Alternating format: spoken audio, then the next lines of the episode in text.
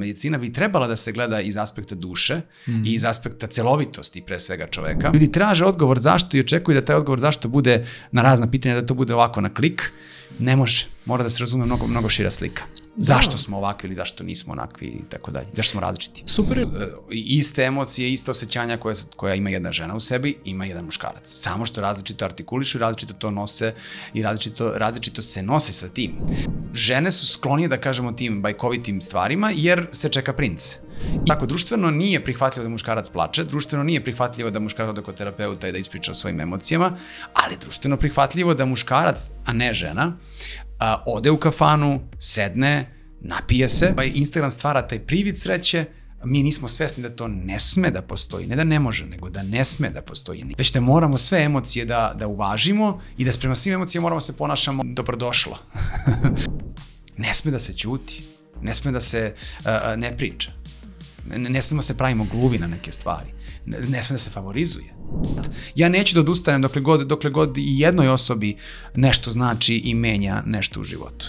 Jeste, dragi moji putnici, dobro mi došli još jednu epizodu Kosmičkih putnika, kao i uvek ode vaš domaćin Damijan. Pre nego što počnemo, želim bih da vam predstavim mog današnjeg gosta. On se zove Marko Jovašević. Doktor Marko Jovašević je psihoterapeut integrativne psihoterapije i sistemske porodične psihoterapije.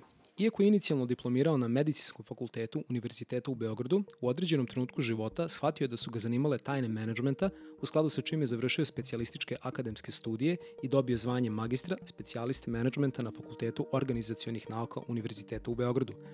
Interesovanje za menadžment ga je odvelo do četvorogodišnjeg zaposlenja u čuvenoj nemačkoj multinacionalnoj kompaniji SAP, u kojoj je radio na poziciji projektnog menadžera – Vođen iskustvom sa tog posla i velike ljubavi prema psihijatriji, odlučuje da znanje, iskustvo i ljubav integriše u jedno i od tada se kontinuirano edukuje na polju integrativne psihoterapije sa posebnim akcentom na sistemsku porodičnu psihoterapiju pri Evropskoj asocijaciji sistemskih psihoterapeuta. Kada se se prvi put upoznao sa Markovim radom, pre svega putem njegovog Instagram naloga, seća se da sam pomislio, ovo je jedna od onih vrlo redkih osoba koja svoje socijalne mreže koristi na ispravan način.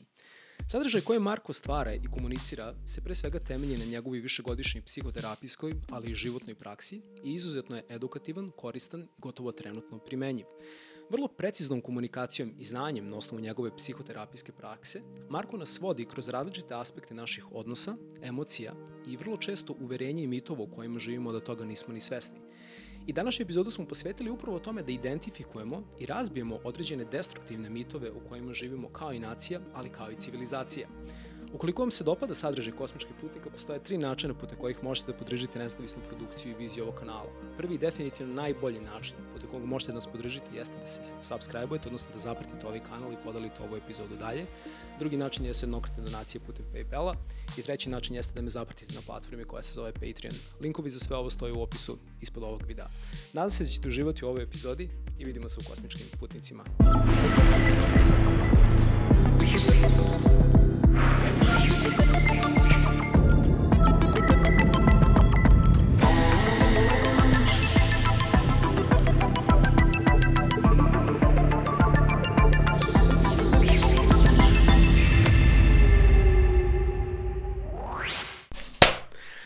Марко, добродошли ми е у Космички путники. Да Bolje vas našao. Iskoristit ću ovu priliku na samom početku razgovora da se stavim u poziciju terapeuta preko puta tebe i da te pitam kako se osjećaš danas u ulozi gosta kosmičkih putnika? uh, ovaj tvoj studio ovaj, je tako specifičan sa ovim biljkama, to, to, ovaj, mo, to, to, to mi je prvi utisak bio kad sam, kad sam gledao prvu emisiju, da. uh, ovaj, uopšte na kanalu tako koji sam, koji sam uhvatio. Uh, pitao sam se čoče koliko biljke, volao bi da vidim ovo uživo, samo da vidim kako, kako ovo izgleda i stvarno je fascinantno i lepo. Uh, logistički izazov, ali deluje mi da ljudi primećuju da biljke postaje nekako moj zaštitni simbol. Ovaj, mislim da će verovatno neki od prvih sponzora za ovaj podcast da bude neka cvećera. Super, super, dobra ideja, dobra ideja. Njih ću da zovem. Ovaj, e, iskreno odmah na početku da ti kažem, ovaj današnji naš razgovor zaista doživljavam kao jedan jako lep nastavak razgovora koji smo vodili kada smo se upoznali prvi put. Tu smo se dotakli jako puno zanimljivih tema, neke od tih tema ti naravno obrađaš i kroz svoju psihoterapijsku praksu, komuniciraš ih i na socijalnim mrežama, Ali ono što mi se recimo baš svidalo bez našeg razgovora, jednog trenutku smo se dotakli dela i rada Hermana Hesea. Mm -hmm. I sećam se da sam pomislio, čoveče, kako bi bilo dobro jednu cijelu epizodu, u stvari jednu cijelu epizodu bih zaista mogao da posvetim njegovom delu i radu, jer stvarno to što je on čovjek stvorio, zaista ima toliko neverovatno autentičnu vrednost koju bismo stvarno mogli da primenimo u našim životima. Ja sam, ja sam baš juče e, sticam okolnosti imao, imao jednu, jednu tribinu Da. ovaj, u Knez Mihajlovoj koja je bila u stvari ovaj, na temu biblioterapije.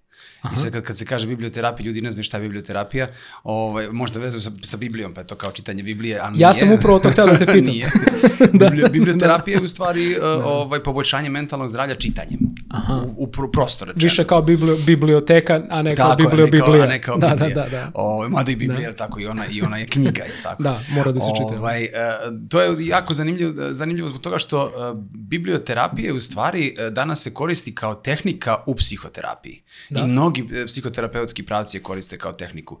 A ona je u stvari starija od psihoterapije. A. Zato što je, o, i od psihologije kao, kao nauke je dosta starija, Da. zato što ona datira od kako postoji na neki način pisano čovečanstvo, odnosno taj pisani deo naše istorije, Hmm. gde su ljudi pisali pesme, jel tako, pisali priče, pisali bajke, e, gde su pokušavali da opišu neke situacije, neke trenutke, neke likove, emocije, odnose. Mitove. Hmm. Mitove, tako je, tako je. I onda na neki način ljudi to čitanjem su se poistovećivali. Ima tu sad nekoliko faza kad se, kad se čita, prvo se poistovetiš sa samim likom, zato je, na primjer, bitno da mi u, u terapiji da znamo koju knjigu dajemo i zašto dajemo, baš tom klijentu. Da smo prepoznali neki trenutak o kome on priča u svom životu, pa smo to povezali sa nekom knjigom, pa mu damo knjigu da on to pročita i onda tu on doživi poistovećivanje s tim likom, sa, uh, sa ostalim likovima, sa situacijama, sa emocijama, sa odnosima i onda nekako sve to u svrhu i trebalo bi u stvari da bude u svrhu da se njegovo stanje stabilizuje. To je u stvari ono kao uh, kada ti podeliš uh, jedan isti problem sa čovekom koji ima isti problem. Mm. I onda te on razume. Da, da, Otprilike da, taj da, neki, da, taj da. neki efekat. Ovaj, naravno, nije, nije to uvek baš tako da ide po pesu, što se kaže onako do, ovaj, nekad, nekad to, imamo primjera da je to bilo kontraproduktivno, zato što daš nekome knjigu koja nije za njega, daš nekome Mhm. knjigu koja nije na tom, da kažemo, ni duhovnoj zrelosti, ni emocionalnoj zrelosti, jako je, jako je škatljiva tema šta deci dati. Jel tako, šta je za njih, u koje doba adekvatno za čitanje i tako dalje. Ali koristimo, ja koristim u svojoj psihoterapiji uh, i knjige, uh, onako dajem ih kao za neku vrstu domaćih zadatka, ali više volim ono što gestalt terapija ima, to su uh, nekakve pričice koje su kratko izvodljive, od svega 4-5 minuta, koje ti možeš na, na, na, na terapiji da ispričaš, neka bajka u stvari, Aha. koju ispričaš klijentu, gde postoje određeni likovi i onda nekako prolazimo kroz te likove, klijent se stavlja u različite situacije, stavlja se u različite e, kože, ili tako se, on se odmah poistoveti sa jednim od likova, ali ga mi onda projektujemo i u druge likove, pa onda razgovaramo da iz njihove kože priča, a sad to ima neku svrhu i pojentu u stvari. Ovaj, na Nisam nikada razmišljao o, o tome, recimo kad je kao psihoterapija, mada ima mi savršenog smisla. I Da. sviđa mi se to što si rekao vezano za gestalt, zato što neko ko čovek je tu u trenutku sa terapeutom, mnogo je bolja kontrola. Ne može tek tako Jest. nešto da krene po zlu, Jest. jer kao terapeut Jest. možeš da primitiš ako krenula identifikacija u nekom negativnom Tačno. kontekstu. Tač, tač. Zato što dok smo, dok smo tu, zato su te kraće, po mom mišljenju su te kraće pričice za psihoterapiju mnogo bolje, nego tako, tek tako pustiti neki roman ili ne znam nije šta, ovaj, Jasno. bez, bez kontrole, ili ne znamo gde može da odvede. Naprimjer, Dostojevski ili Hesse, to je toliko likova, to je toliko, ovaj, e, toliko mogućnosti da, da, da se saživiš, da prepoznaš raznorazne ljude iz svoje okoline u celoj toj priči. Jeste, zaista neverovatno. I kao što rekao, k tome bih ono, možda čak i voleo da posvetimo jednu cijelu epizodu, mislim da može da bude vrlo produktivno. Ali danas imamo jednu drugu temu koja je Da. a, zaista, mislim, dosta značajna i koja i tekako utiče na sve naše živote, a odnosi se na mitove u kojima živimo i kojih, nažalost, često nekada nismo ni svesni. Ti dosta na svojoj stranici komuniciraš i skrećeš pažnju na određene mitove, dopada mi se način na koji to radiš, ali pre nego što uđemo u temu samih mitova, volio bih eto za početak kao jedno malo predstavljanje i meni i mojoj publici, da nam približiš na koji način ti u stvari pristupaš mitovima, odnosno da nam malo više približiš tvoju psihoterapijsku praksu kroz koju to radiš, kon konkretno ti si terapeut integrativne psihoterapije i um, sistemske porodične psihoterapije. Pa bih te za početak pitao da nam objasniš po čemu je ta, taj pravac psihoterapije karakterističan i kako ga ti primenjuješ. Da, nekako u moru, u moru tih, e, kad se kaže psihoterapije, pa onda kad krenemo po modalitetima da je razdvajamo, ljudi se tu pogube, nemaju, mislim, ne, ne znam čemu se radi. Da, im, ima ih puno stvarno, da. da, ali ne, ne treba ljude to toliko ni da opterećuje, dovoljno je da znaju samo neke osnovne, osnove Jasne. u stvari čemu koja služi. Sve one imaju sličnu bazu, sve one imaju sličnu osnovu, svi psihoterapijski modaliteti, ajde da kažemo da su nekako prvo krenuli od, od, ovaj, od, psihoter, od, od psihoanalize, od Freuda, pa je to negde e, e, prva onako velika, velika prevaga se u stvari desila sa kognitivno-behavioralnom terapijom. I mm -hmm. možemo slobodno da kažemo da je ona neka baza i da su od nje sada, ili ovo zemlja da cveće, tako, pa su mm -hmm. iz nje sad krenule da cvetaju neke, neke ostale grane koje o, imaju sad neke svoje specifične karakteristike. E, zašto, ja, zašto ja volim za sebe da kažem da sam integrativni psihoterapeut, iako postoji specializovana, da kažemo, ovaj, pravac integrativne psihoterapije, koji u stvari podrazumeva da više tih terapeutskih modaliteta su, da, da kažemo, sabrani u jedan, mm -hmm. odnosno terapeut posjeduje znanje iz više nekih terapeutskih modaliteta, veštine, tehnike i onda projektuje, da kažemo, neki svoj način e, kako će pristupiti određenom klijentu u zavisnosti šta je klijentu ovaj, izazov i šta mu je problem mm -hmm. i na koji način mu je možda senzibilitet dobar. Zato ja nekako nikad nisam bio pobornik samo jednog terapeutskog pravca, ti si to završio, ti se držiš toga i radiš samo taj, da kažemo, kanal. I suviše mi to nekako uvek bilo usko, nekako ograničavajuće. Da, i svi smo različiti, mislim svakom treba da, pristupiti na neki određen da, način, ako će je. možda radi neka tehnika za nekoga neće, tako da, je, i što je tako, tako. I onda iz tog razloga sam ja nekako, uh, ja sam i, ka, i, i kognitivnu behavioralnu terapiju završio i uh, o, sistemsku porodeču psihoterapiju, ali sam onda nekako kroz raznorazne kurseve, kroz raznorazne ovaj, edukacije uh, prošao i, i, i mnoge druge terapijske modalitete mm -hmm. i mhm. nekako danas se osjećam da ja u stvari integri, kada, kada stanem, pogledam kako sam prišao određenom klijentu, ja u stvari vidim da tu ima raznoraznih tehnika, da tu ima raznoraznih pristupa i zato ja nekad volim da kažem da, to, da je to u stvari integrativni pristup. Iako jeste sistemska porodična psihoterapija je nešto što je moja baza i osnova, mm -hmm. a, taj sistemski pristup, a, a, evo, priča se non stop da je svaka promena potrebna da se desi tako što ćemo sistemski da rešimo promenu. Da li mhm. pričamo o, o društvu, politici, da li pričamo o, o braku, porodici, da, to je tačno. I, i sistemska e, terapija uvodi jedan, jedan novi pogled, ajde kažemo, na sam simptom. Kada ljudi dođu na psihoterapiju, pogotovo kod mene ljudi dolaze sa, jer ja sam i lekar po, po primarnoj struci, mm -hmm. i onda mhm. ljudi dolaze kod mene sa konkretnim simptomom. Znači, imam anksiozno panične napade, steže me u grudima, bio sam kod lekara, rekli su mi da nije ništa, da je to psihogeno i tako dalje. Ovaj, sistemska terapija, za razliku od nekih drugih terapija koje su fokusirane na sam taj simptom i kako da pre, što pre čoveka osposobim, što jeste negde logično tako, mm -hmm. ko ne može zbog tog simptoma da ide na posao već 7 dana, jeste neka logika da, da mu se nešto da što će da, da na neki način njega osposobi. Ali uh, u dubljoj analizi sistemski pristup u stvari ide korake iza. Simptom uvažava, simptom postoji, je tako? Ali nekako gledamo ga kao poruku šire konteksta kao neka bela zastavica ili crvena ili koje god boje iz nas koja maše i traži da pogledamo negde unutra, da vidimo gde je u stvari taj trigger, gde postoji možda neko drugo nezadovoljstvo, bilo šta u stvari što je samo na kraju isplivalo gore kao, kao taj simptom. E tu je razlika. Kako je sve počelo? Znaš zašto te to pitam? Zato što od uvek sam se bukvalno divio ljudima koji odluče svoj život da posvete rešavanju tuđih problema i životnih izazova koji su često ogromni. I konkretno je to kad je psihoterapija u pitanju, to je često dug i bolan proces u zavisnosti naravno tipa problema kroz koji prolazi osoba koja dolazi na terapiju. Kako je sve počelo? Dakle, kada si shvatio da želiš svoj život da posvetiš pomaganju drugim ljudima u formi psihoterapije?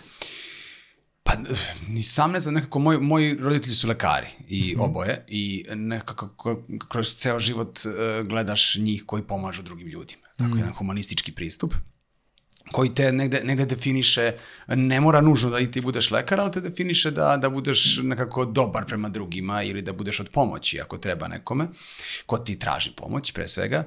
Uh, I ja sam upisao medicinu bez nekog pretarano i velikog razmišljanja, mm -hmm. danas kada pogledam, što ne smatram dobrim, ali opet ni, ni, ni, ni zrelost, da kažemo, jednog deteta, adolescenta mm -hmm. i nije na tom nivou.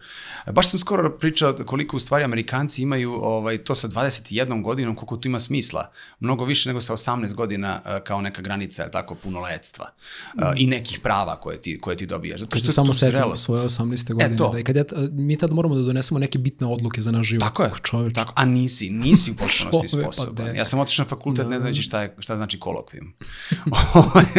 ja ali si brzo nauči. da, naravno, ali ja sam mislio da to, da to kao neko, ono, zvuči jako, onako, ovaj, ozbiljno. Da. Uh, on stvari dođeš i kažeš, počekaj, pa ovo, pa ovo stvari kontrolni. ovo stvari test.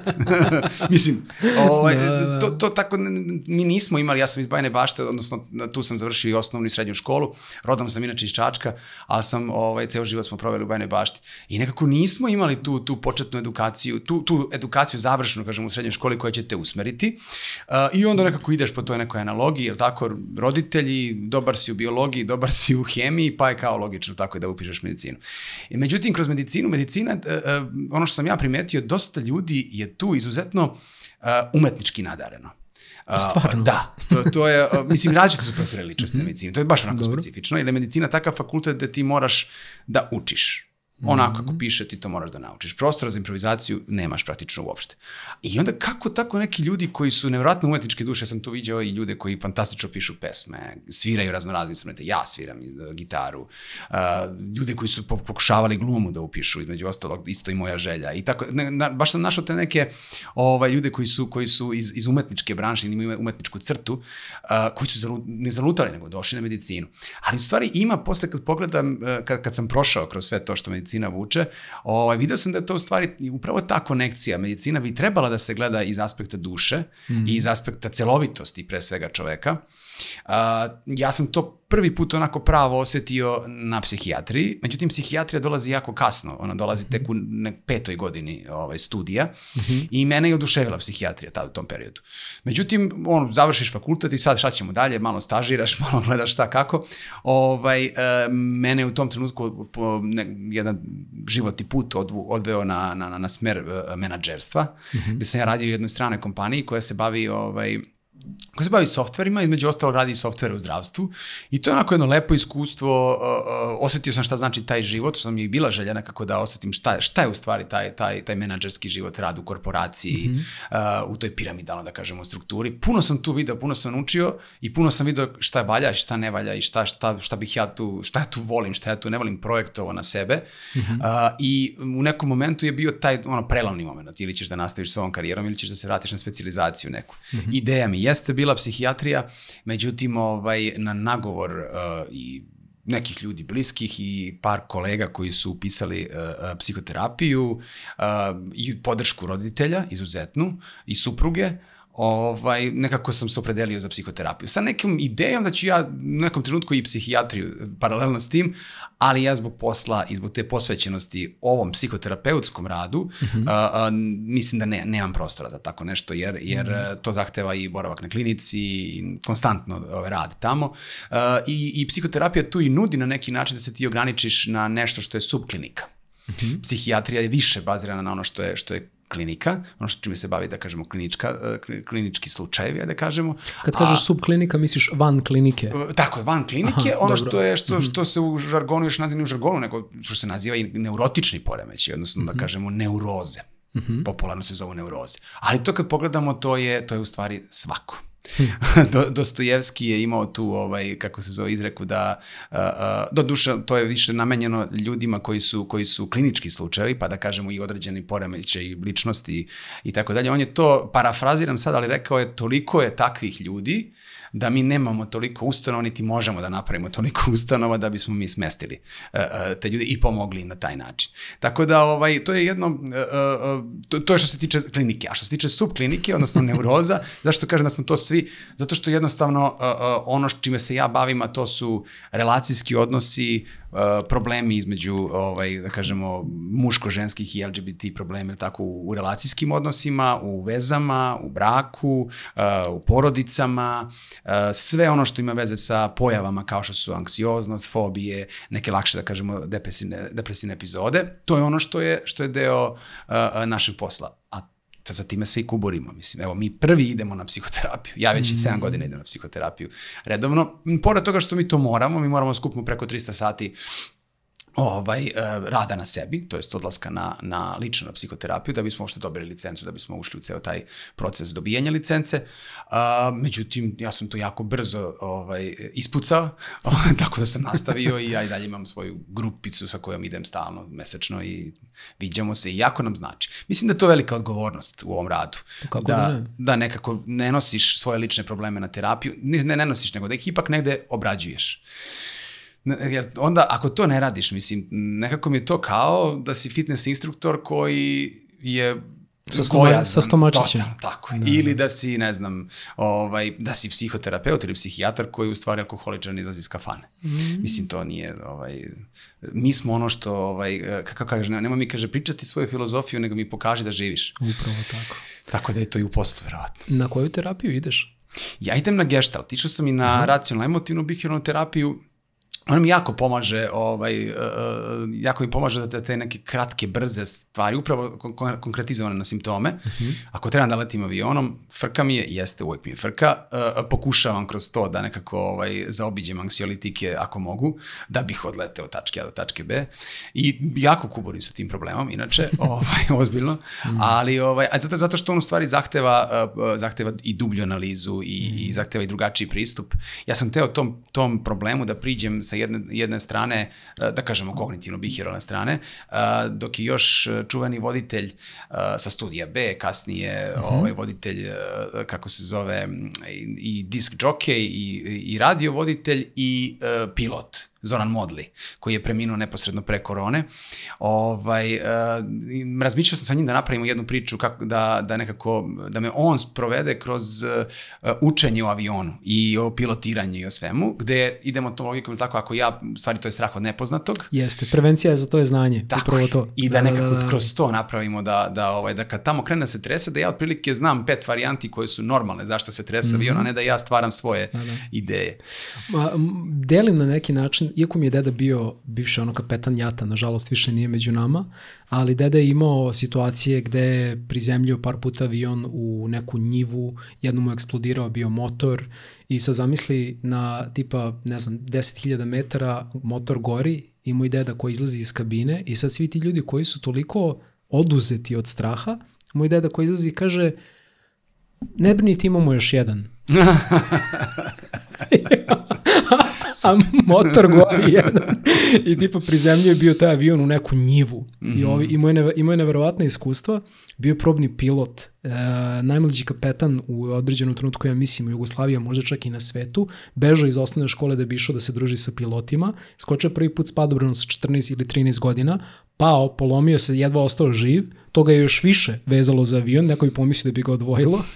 I tako je krenula njegova priča. E sad, nažalost, ja tu genetiku nisam nasledio, ja sam isto imao malo frku sa avionom i baš to što si rekao i baš bih tada da te pitam na koji način si, e, koju tehniku koristiš kad uđeš u avion, mislim da je ovo zanimljiva tema jer puno ljudi leti. Šta ti pomaže? Meni recimo pomoglo bilo to znanje ok, turbulencije su normalna stvar, letimo hiljadu i nešto na sat, na 10.000 metara, normalno je da se vidi malo trese, trese se automobil kad ide 30 na sat, jeste da. duše da je na putu.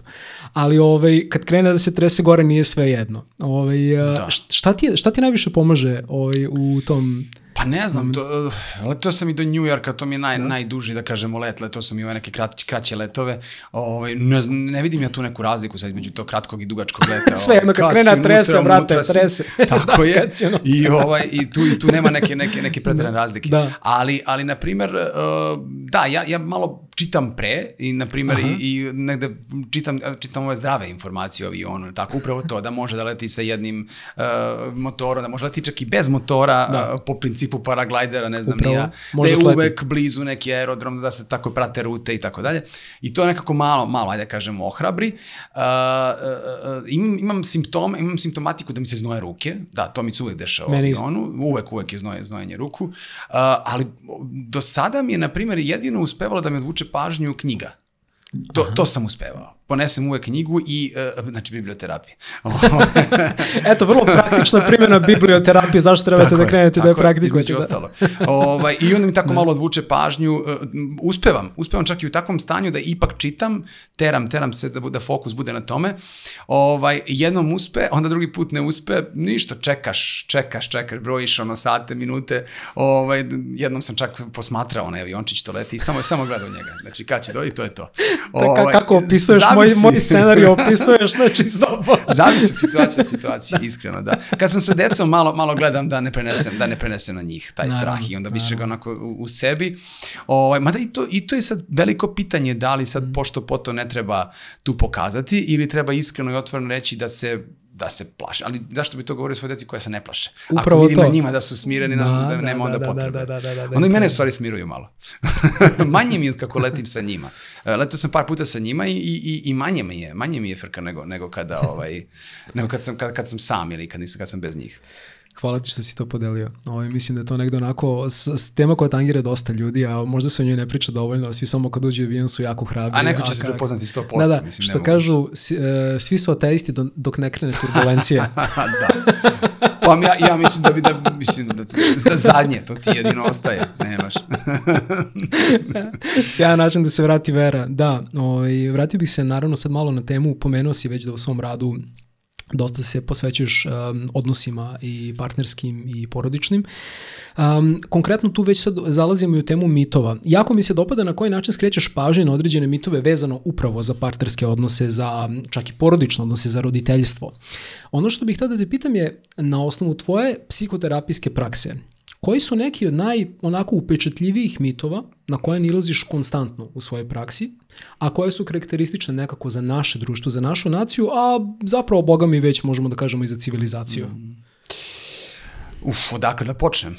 Zato što ih ima puno ima i puno i sad nekako baš dok mi postavljaš ovo pitanje ne znam, ne znam onako ni, ni za Šta? koju da se uhvatim, e, a, a da mislim da, da je možda prioritet. Ajde da krenemo od roditeljstva. Recimo. E pa da, da. Uh, ili još bolje od braka, zato što je to korak pre ili relacijskog odnosa Bravo, između da, dvoje. ajde da, dove, da krenemo od nečega pre nego što neko da krenemo redom. Ja. Da, ovaj, uh, ono što ja stvarno Može. viđam i, i, i uh, sad stvarno to, to, je, to je već uzorak veliki, uh, pošto na psihoterapiju mnogo više dolaze žene.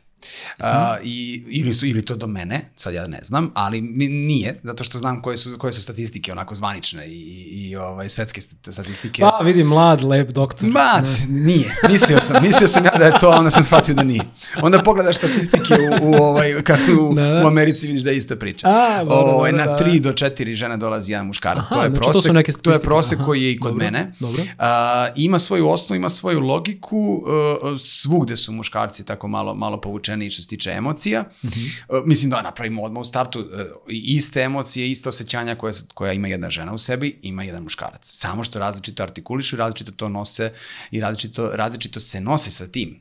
Ovaj, I uh, žene su sklonije da, da pričaju o, o emocijama, sklonije su da iznesu, sklonije su da zaplaču. Uh, muškarcima je to, da kažemo, pre svega zabranjivano. Mm -hmm. ovaj, uh, eto, već jedan, za jedan mit se hvatamo, tako da je to u stvari uh, jedno... Emocije jedno, su slabost. Da su emocije između ostalo i slabosti, mm. da su tome, da muško o tome ne priča, to žene pričaju, to muškarci ne pričaju.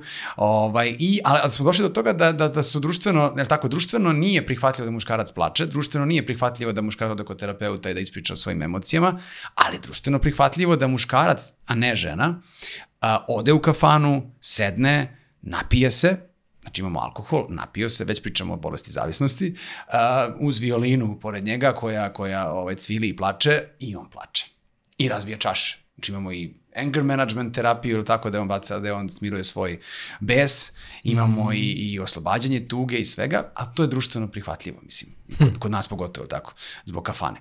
A, a to je u stvari, to u stvari govori u stvari koliko, koliko i muškarci isto osjećaju u sebi koliko, koliko i žene. A, ali a, nisam teo ovog mita prvo da se dohvatim, hteo sam u stvari da krenemo s žena, jer od njih najviše ovaj, vidim tu priču. A, sve su odgajane na bajkama.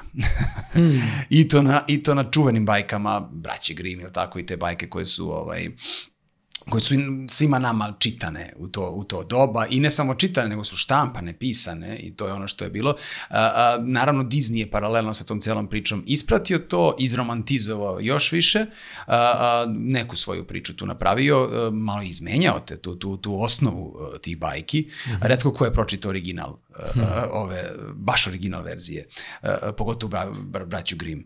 A, mislim, da, ili Trnu ružicu. Ili da uzmeš Alisu zemlje čuda, mislim. Po, prilično. Kako je ona, kako ona pisana da, da. i kakvom stanju ja, je pisana. Izvini, malo samo digresija, jel beše za Alisu bilo devojčica koja je zlostavljana? Jel uh, ta neka priča je, mislim, A ima mnogo i, verzija. Tako. Sad, sad ne, čuo sam nešto, ali sad... Ima mnogo verzija. Da, da, i, i ta pa verzija, i to onu... sam čuo, tako je. I, I to njeno, da kažemo, da ce, sve kroz što ona prolazi u stvari, to njeno opšte stanje. Da, uh, onda od toga da je, da je to san samog pisca, je tako? A, uh, da, do da. toga da je, da je to pisao na halucinogenim, ovaj, kako mm. se zove, drogama. Uh, mislim, razne verzije. Da, da, Ali sad da ne, da ne ulazimo sad u detalje, ne znam u stvari ni šta je, ali ima da, logike okay. sve. Mislim, sve ima negde logike. Da, da, te da, neki da. opisi, te neke slike i tako dalje. Ali mm -hmm. uh, ovaj moment, onaj moment koji mene je, uh, uh, meni onako upao u oko, je u stvari, pa sam posle povezao sa bajkama, mm -hmm. je, mhm. su ta očekivanja. Šta jedna žena očekuje u svom uh, odnosu, vezi, i posle toga u braku i šta jedan muškarac očekuje u vezi u braku. Uh, žene su sklonije da kažemo tim bajkovitim stvarima jer se čeka princ.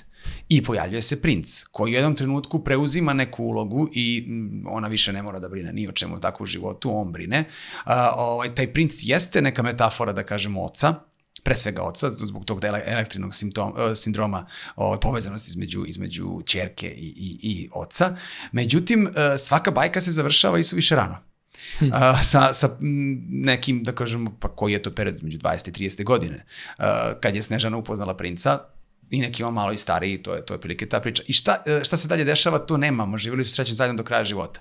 A mi u, u porodičnoj terapiji imamo sad tu opisane faze životnog ciklusa, koje imaju svoje neke periode, tako? I svaka ta faza životnog ciklusa nosi neku svoju karakteristiku.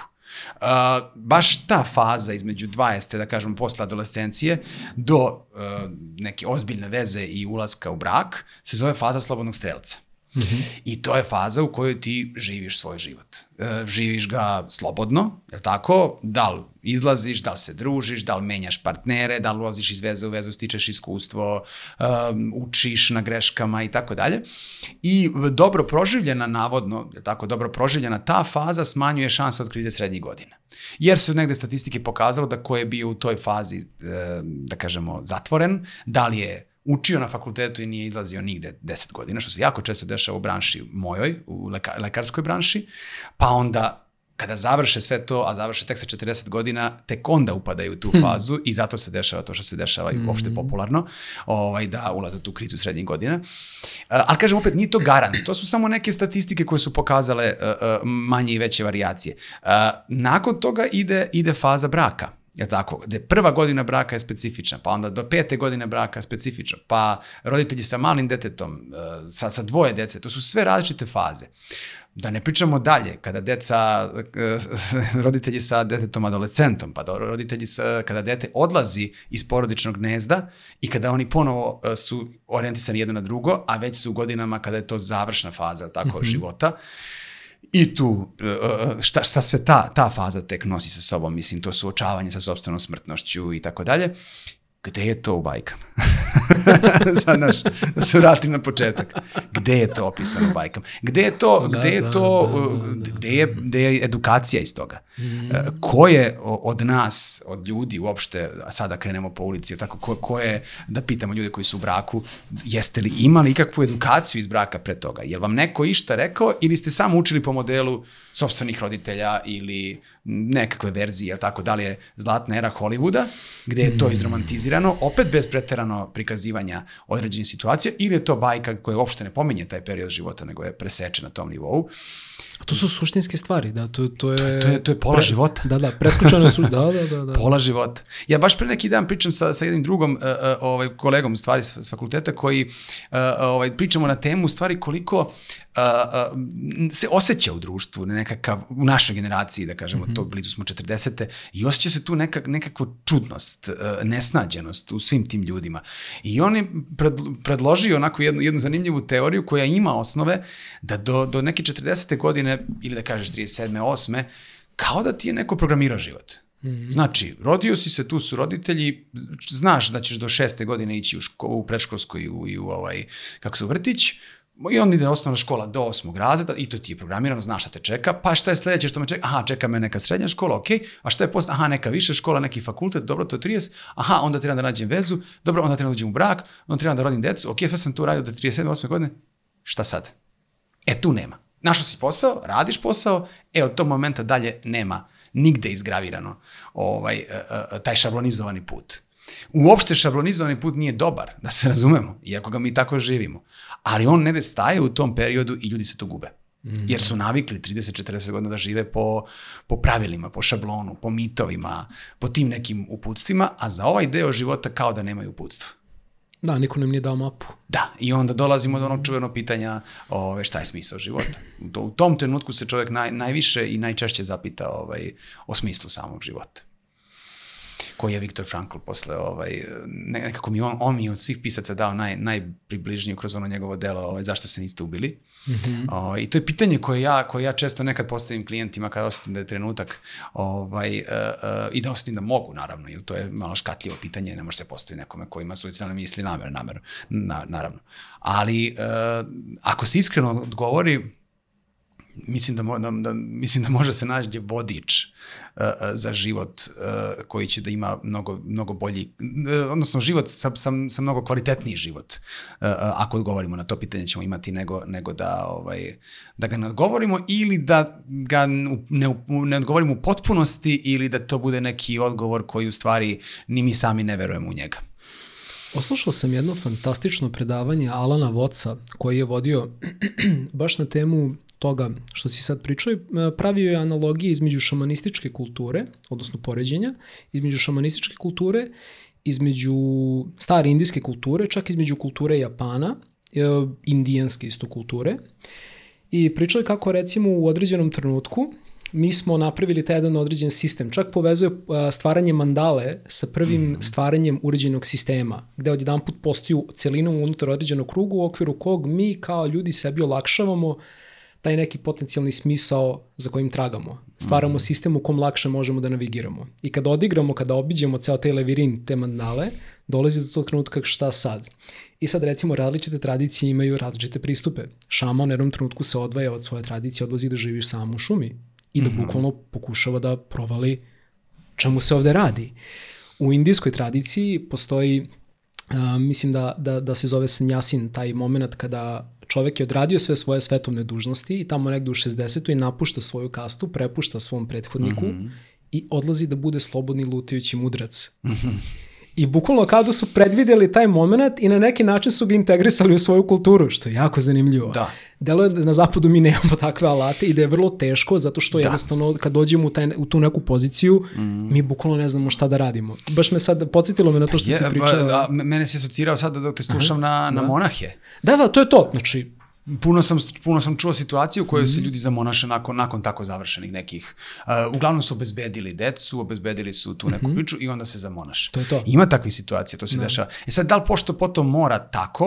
Uh, da... upravo, upravo to. Da li kao mora da postane nužno da. monak? Pa da ne baš, ali očigledno da nam niko nije dao mapu i nije ni čudo što se ljudi okreću Ali možeš ti da živiš i monaški život mm. i, i u ovom životu, samo nekako da. mislim da ne uspevamo da ga, da ga da primenimo. E, ne mislim monaški život u, u, u, u svoj svojoj, da kažemo, ovaj, karakteristikama, mm. ali e, primenjeni, da kažemo, monaški život na, na ovaj svakodnevni život. Mislim da to može, samo što Tekako. je potrebna Tekako. Tekako. Izuzetna organizacija, potrebno je mnogo veće razumevanje samog života, pre svega sebe, a onda i samog života života i negde na kraju da se uh, uh, porazbijaju svi ti mitovi i, i uverenja koja nas izuzetno koče mm. kroz život. A ta uverenja su nastala, uh, uh, uh, uglavnom su nastala u našem, u našem detinstvu, u tom nekom periodu kada je naše uh, kritičko mišljenje uh, uh, izuzetno upitno, Mm -hmm. Mislim, neupitno, čak mozak nije na tom stepenu razvoja da bi, da bi taj racionalni deo mozga uspevao da obradi ili da postavi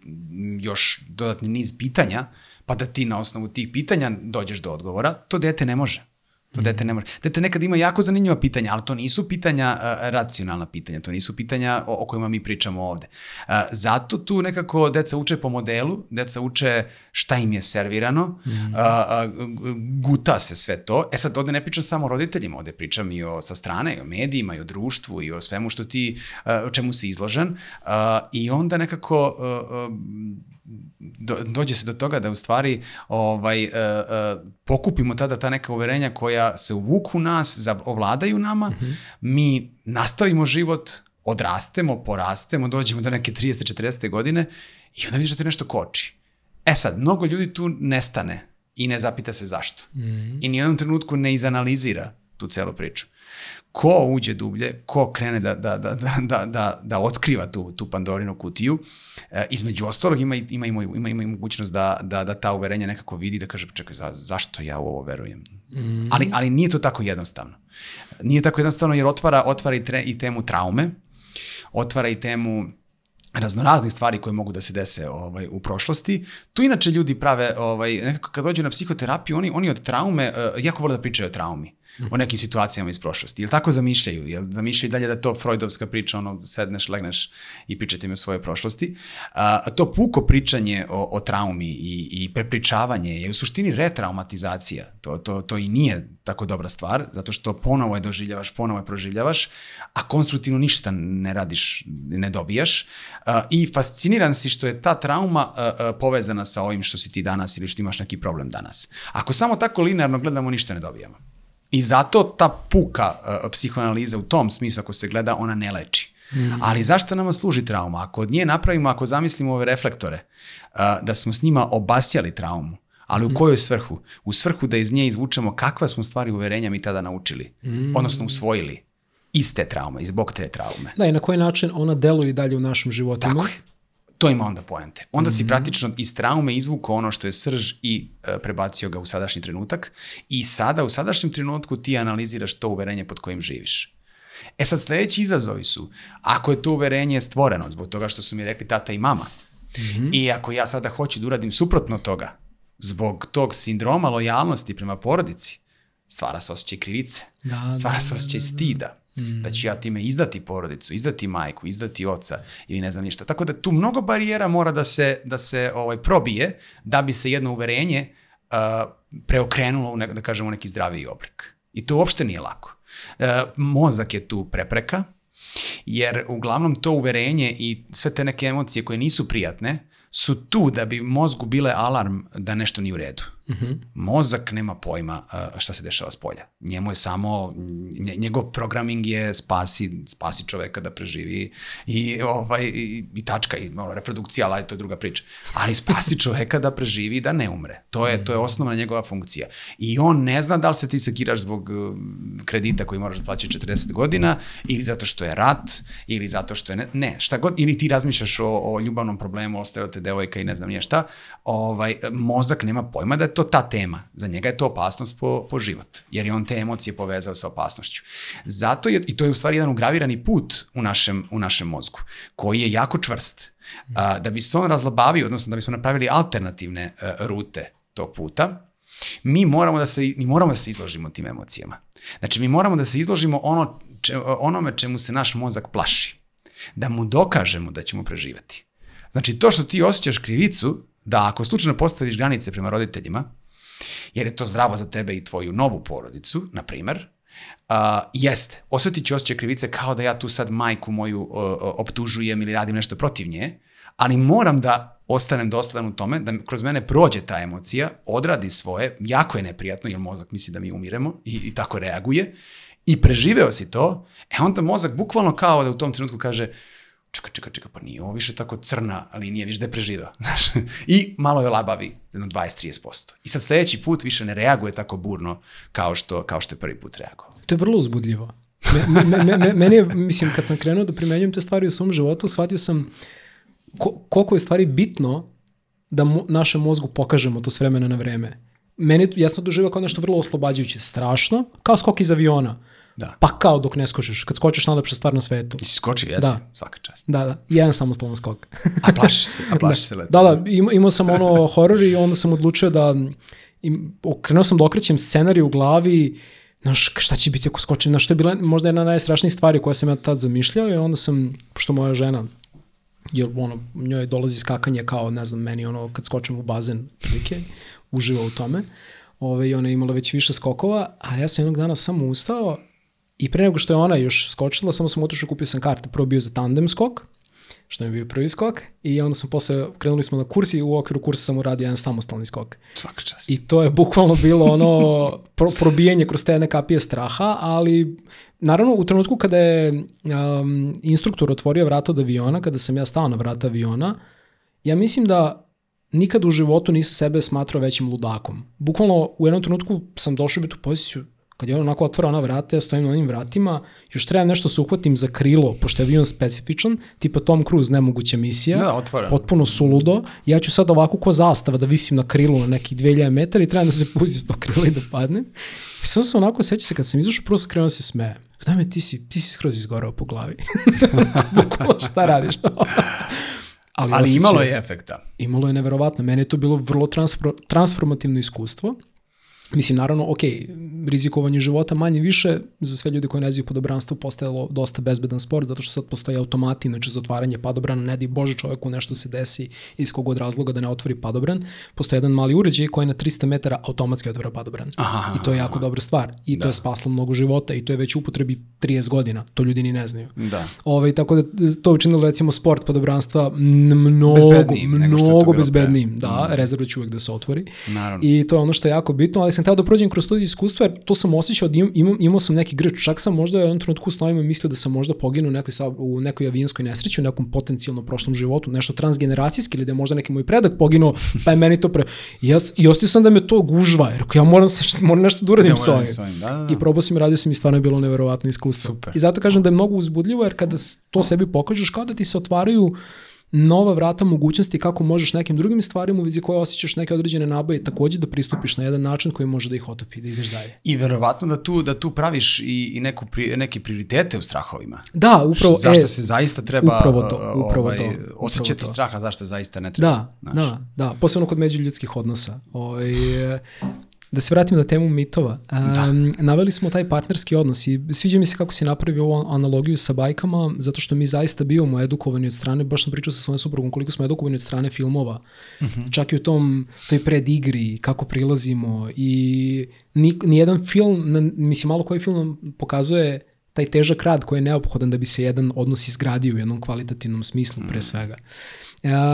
Da li bi izdvojio još neki mit, mislim, evo vezano konkretno kroz tvoju praksu, navili smo taj mit partnerskih odnosa, još nešto što ti onako deluje u ovom trenutku adekvatno da bi želao da podeliš? U, ima, ima ih dosta, mislim, to su sad, to, to je nešto što spada u neku vrstu, ovaj, uh, možemo da pričamo u stvari na više, na više rangova, možemo da pričamo Da. o nekim izrekama, možemo Da. da, pričamo o, o Vuku Karadžiću koji je, koji je zaista jedna, napravio jednu genijalnu stvar koju Da. niko nikad, nijedan um nije na ovim Da. prostorima do tada napravio uh, i, i sakupio sve to, tako iz naroda, šta to narod priča.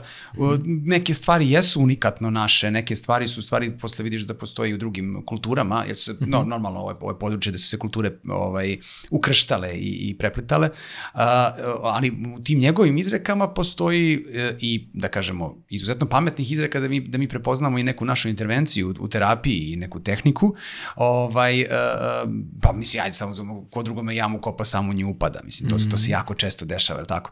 Ovaj, do nekih koje su uh, uh, možda upitne, i traže da budu ovaj i mo, mogu da budu sputavajući. Ja na primjer nisam znao da postoji razlika između izreke uh, da u nemačkoj kulturi postoji izreka ko visoko leti da ko visoko leti daleko stiže, a kod nas kod nas se kaže ko visoko leti nisko pada. Mm. I sad možemo čitavu jednu uh, uh, uh, ovaj čitav jedan podcast da da da da toj na toj temi uh, posvetimo iz razloga što u stvari možemo da samo da posmatramo šta je za i protiv donelo mm -hmm. to u našoj kulturi, a šta je za i protiv donelo to u nemačkoj kulturi. Mm. Kako je to kako je samo jedna ta izreka možda uh, uh, oformila karaktere i ličnosti jedne nacije ili arhetip da kažemo, a kako je ovo na drugoj strani. I tu već i vidimo neke razlike. Mi se stalno poredimo s Nemcima.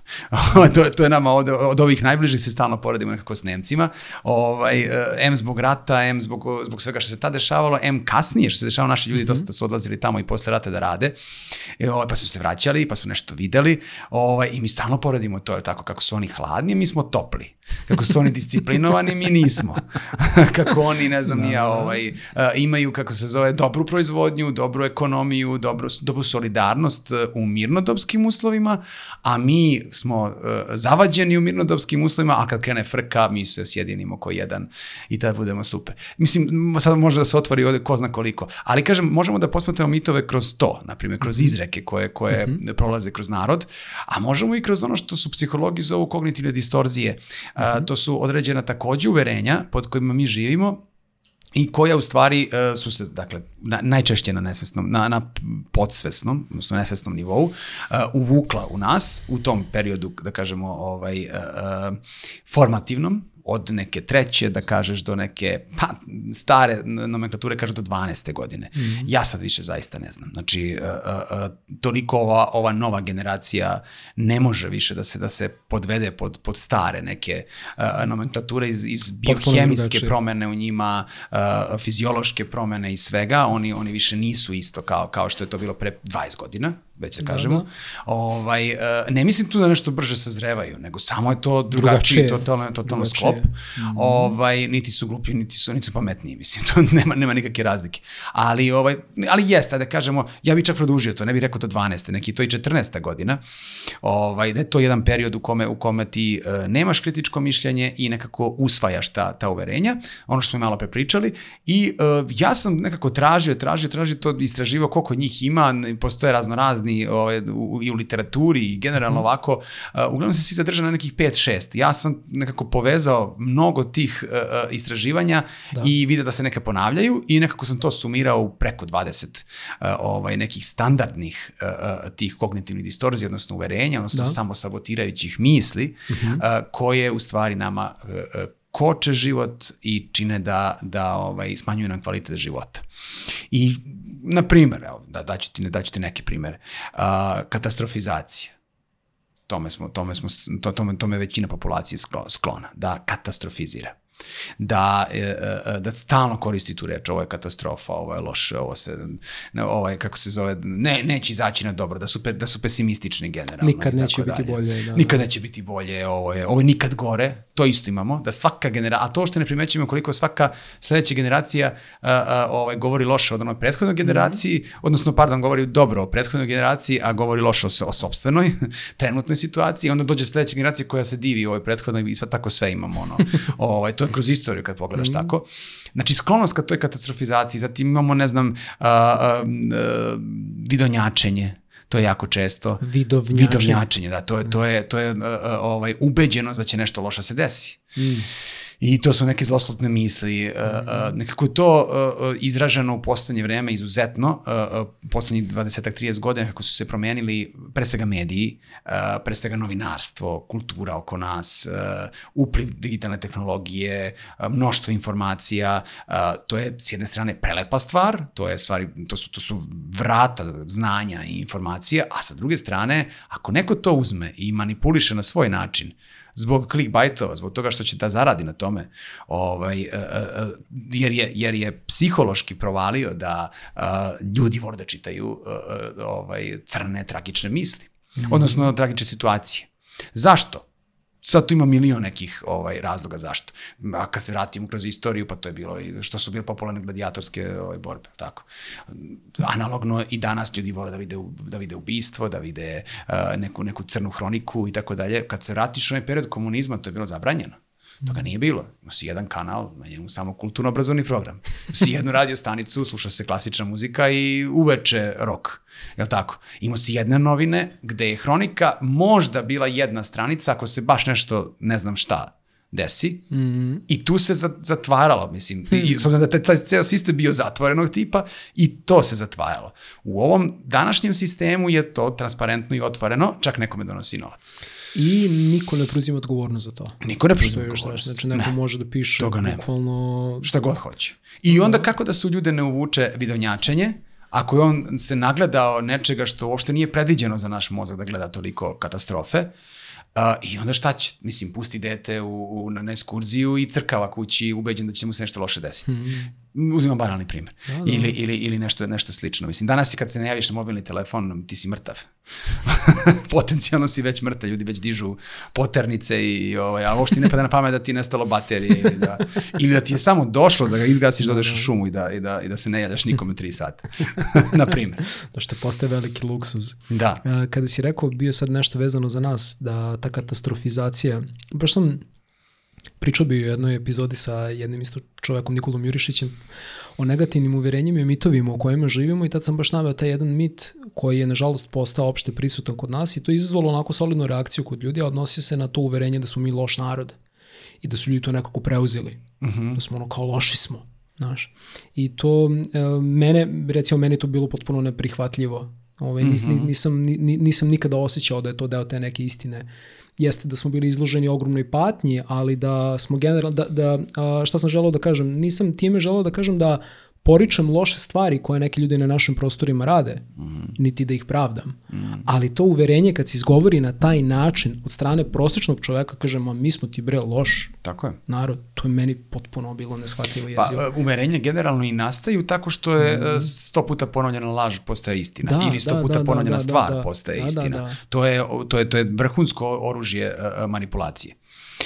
I na neki način ti ne možeš stvoriti uverenje osim ako nije baš jaka ogromna trauma, mm a tu, tu, to ne uzimamo, to, to, to je ono, da li je silovanje, da li je zlostavljanje, da li je jasne, jasne. bilo što tog tipa, ovaj, ali ako izuzmemo to, ne može tako jedno uverenje da, da ti se da ti se ovaj da se detetu da kaže ovaj uvuče mm. u, u, u, da. u mozak mora bude ponovljeno mnogo puta. Kako ti gledaš na to uverenje? Nisi pretpostavljam da si se susreo s njim, baš me zanima. Na koje? Da smo generalno loš narod. A da smo generalno loš narod?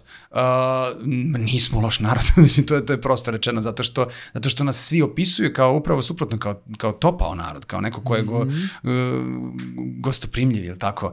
Ovaj, uh, Očigledno to vide drugi. Da. Pa ne znam, ljudi, ljudi dođu, od oduševljeni su. Da, da, da. da. Meni, to je meni dosta stranaca da, da. kaže da su oduševljeni koliko ljudi ovde zna engleski. Mm. A mi kao da znamo engleski i kao da smo oduševljeni kada ima da neko priča na engleskom da isprobamo naš engleski. Kao, da, da, da, da, jako smo uzbuđeni. Pa da, da mu pokažeš hranu, da mu pokažeš ovo, a oni oduševljeni kada, kada, kada mislim, ne, ja ne vidim taj moment, mi imamo sve mane i vrline ko što svaka nacija i svaka, svaka kultura ovaj, ima svoje mane i vrline. Uh, što ti kažeš, malo je ovde prostor takav i mislim da su neki stereotipi tu stvorili ovaj, zbog nekolicine ljudi koja, koja je napravila neke, neke gluposti. Upravo to, da kao da je nacija preuzela taj neki obrazac. Pa to je jedno od ovih uh, kognitivnih distorcija, zove se etiketiranje. A, to. Etiketiranje kome smo svi slo, skloni i sad vidim da je opšta pomama uh, uh, ima to sa kako, kako se vaspitavaju deca. Pa so, ima, imaš one jednu grupaciju koja kaže ne, ne, Prut je dalje bio dobar, e, čvrsta ruka, a imaš u ovom drugom ekstremu kao ne, ne, pusti ga, ne kradi šta hoće da izrazi svoju slobodu, maštu i ne znam šta. Da, da, da. I sad tu postoji ta konfrontacija. A, I, na primer, ranije se govorilo za dete koje je hipersenzitivno dete, I u psihologiji je to termin. I imam koleginicu koja se fantastično bavi samo time, usko je specializowana i, i ovaj, kako se zove, zove se Žana Erdeljan, uh, u Novom Sadu radi uh, fantastičan je deči, deči ovaj, uh, psiholog koji radi s roditeljima u stvari. Ne radi s decom, nego s roditeljima. Baš u tom periodu i u tom, u tom uzrastu uh, ovaj, i ona se bavi isključivo visoko senzitivnom uh, uh, ovaj, decom, hipersenzitivnom decom. Uh, šta je to u starom narodu? Uh, razmaženo dete to je dete od 3 ili 4 godine koje neće da bude po PS-u neće da radi onako kako, kako, mu, kako mu se naređuje i ne znam nije šta, ima svoju priču. Često su to mlađa deca, kažem to ona može mnogo, mnogo detaljnije, mnogo lepše da priča na tu temu, ovaj, često su to mlađa deca, jer uglavnom ona, ono starije dete je po PS, uglavnom ono prati roditelje, jer su mu onaj ovaj, glavni uzor. Uh, i to dete uvek bude uh, ono staro, vaspitano, kulturno i tako dalje, u stvari je dresirano, mislim, manje više, onako kako si ti hteo, a ovo mlađe, uh, mlađe dete uvek, i mlađe deca ili najmlađa deca u porodici, uvek traže svoj identitet i uvek traže da, da, da, da budu, ovaj, kako se zove, u tom traženju identiteta tra, nekako gleda da budu drugačiji od uh, oca, majke, brata, sestre i tako dalje. Često se i pogube u tom traženju, zato oni i jesu, ovaj, kako se zove, da kažemo, u, u izazovu, životnom izazovu, tražeći sebe, ovaj, kroz raznorazne identitet, hmm. pokušavajući. Vratio bih se isto sad malo na temu mitova. Pričao si, e, kad si pomenuo bio da generalno su žene češći, a, na, da su one češći klijenti na terapijama, odnosno mhm. češći mm -hmm. pacijenti. Tu isto dolazimo do jednog mita koji je bio onako, možemo da kažemo, opšte prisutan uh, i u našem društvu, mislim generalno i civilizacijski, a to je da je tražiti pomoć kod psihoterapeuta, neka vrsta slabosti i neka vrsta zabrinutosti da smo ludi potencijalno. E da, da, da. I to je zanimljivo recimo da je kako krenuo bio COVID da se to malo promenilo, da su ljudi mm -hmm. mnogo više Mhm. krenuli priču o mentalnom zdravlju. Mm -hmm. I hteo bih da te pitam šta misliš da može da pomogne u prevažilaženju otpora koji određeni ljudi koji su do guše u vrlo ozbiljnim životnim problemima osjećaju po pitanju odlaska kod terapeuta, odnosno u traženje stručne pomoći? Da. A, ako izuzmemo da to nisu nekakvi poremećaje ličnosti i ako izuzmemo da to nisu narcisoidni poremećaje ličnosti, znači postoje neke, neke dijagnoze koje nisu svesne svojih problema. I e, čak i dijagnostičke metode su ovaj teški za uspostaviti da ti sad baš kažeš neko da je narcis i nije. To, to je kod nas postalo, vidim i po internetu, narcis, narcis, narcis. Da, svuda su narcisi, da, da. Ne može da, to da. tako. To, to, je, to je onako davanje dijagnoze iz čista mira. Ja to pokušavam sad da nazovem, e, to što oni pokušavaju sve da, da, da stave pod narcis, ja kažem prvo toksična osoba. Ajde krenemo prvo od toga. Znači ima neke toksične osobine, pa ako je ispunjava tamo neke kriterijume za narcis, za narcisoidni poremećaj ličnosti, da, onda možemo da nazovemo. Ali takve osobe neće doći ni kod psihijatra, ni kod psihoterapeuta. Oni, oni, oni nisu svesni svog problema. Oni jednostavno su razvili taj stav kao brambeni mehanizam. Ego tu igra veliku ulogu. Njima ego, njih, njih ego brani kroz taj zaštitni štit koji su oni napravili, ovaj, e, e, da deluju super, da deluju ovako, onako, tako da, da oni budu ovaj, tu, da kontrolišu situaciju, da kontrolišu druge. Time se oni osjećaju, imaju privid, privid sigurnosti, uh, nisu svesni uopšte šta rade. I, to je, I to je jako opasno kod njih. Mm. Tako da ta grupacija se neće ni javiti na psihoterapiju. Takvu grupaciju ne možeš ni, ni, ni naterati, mislim, nikako. Na, za, zašto je psihoterapija u nekom trenutku tu doživjela taj, što kažeš, ovaj, otrežnjenje u našoj zemlji makar, jeste, bio je COVID, zato što je ono što s početka priča što sam rekao, znači ljudi nisu ni znali tu razliku između psihoterapeuta i psihijatra mm -hmm. i psihologa i ne znam nije šta i tako dalje. Ovaj, gde u stvari nisu znali da naprave koja je to granica i koji su to problemi i koje su to uh, izazovi gde, gde ja mogu da se javim psihoterapeutu i da zatražim pomoć za to. A gde je ono što je za, za psihijatra. I uh, pošto je korona pobudila u ljudima već postojeće tempirane bombe, uslovno rečeno, uh, onda su tako ljudi tako koji su mislili za sebe da je sve ok i da je sve super, uh, u stvari kroz taj, kroz taj strah koji smo svi proživjeli, ovaj, kroz to je hronični strah koji je bio, ovaj, su negde uh, krenuli od te osnove, pa čekaj, nisam ja uh, tak, tek tako preko noći, je li tako? Ovaj, I onda su tako došli do, do, do psihoterapeuta, ali, ali se iskoristio taj moment da se kroz kampanje, kroz marketing, danas je to malo drugačije, mislim, danas sa, sa, sa internetom i sa, i sa društvenim mrežama i sa telefonom telefonima, kampanje postoje, ljudi ljudi generalno ovaj mogu da nauče te razlike, mogu da nauče uh, zašto služi ko je tako i šta šta koja struka obuhvata i mislim da je to nekako donelo na popularizaciji. I to se sve više uh, ovaj o tome se potencira. Kad pogledaš Netflix, kad pogledaš ove savremene serije, mm -hmm. ja ne znam da li ima jedna serija da da da nije ubačen ma, mala, samo dva minuta, razumeš, on je kao otišao kod terapeutkinje i on se vratio. Ovaj plašim se da to ne ode u neku u neku uh, u neki smer pomodarstva. Mm -hmm. To se samo plašimo da ne bi trebalo jer je psihoterapija namenjena i, i, i radu na sebi. Znači, da, ne mora nužno da čovjek dođe s problemom. Hvala ti što si to rekao. pa mislim, malo je to da, da. u privatnoj praksi drugačije, jer teško je izdvojiti novac sad onako što... Ali mislim, ideš i u teretanu. Zašto? Da bi prevenirao svoje zdravlje da bi prevenirao svoju, svoju ovaj, kako se zove, pre svega doveo liniju, tako body mass indeks na neki nivo normalnosti, živeo zdravim životom, znači ti se baviš preventivom.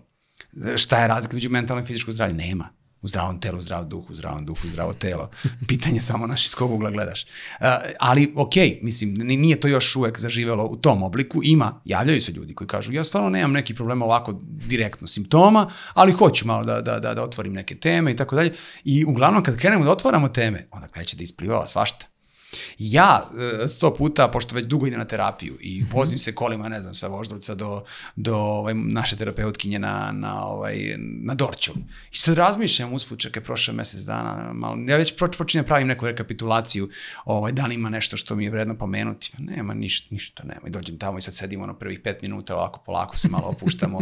to mi je najlepši deo terapije u stvari. Kad dođemo tamo, kad ona kaže sad malo se spojite sa sobom, mi zatvorimo svi oči, ono tišina, mir, znači to mi je trebalo. Ovaj, I onda počnemo pitanje po pitanje, razgovor po razgovor, i ti u stvari kad kreneš da odmotavaš film, ti vidiš u stvari da tih mesec dana nije, da se ništa nije desilo. To je moć vođena dnevnika. Mm. Velika moć vođenja dnevnika, da ti u stvari zapisuješ te neke stvari koje ti se na dnevnom nivou dešavaju, kratke crtice, par rečenica i koje ćeš za 20 dana zaboraviti. Ali ako ti malo prelistaš pa rekapituliraš sedam dana, poslednjih ili mesec dana i kad to imaš korpus delikti, onako napisano, ti si u, u onom katarzičnom efektu kao čoveče, polo šta sam ja sve uradio.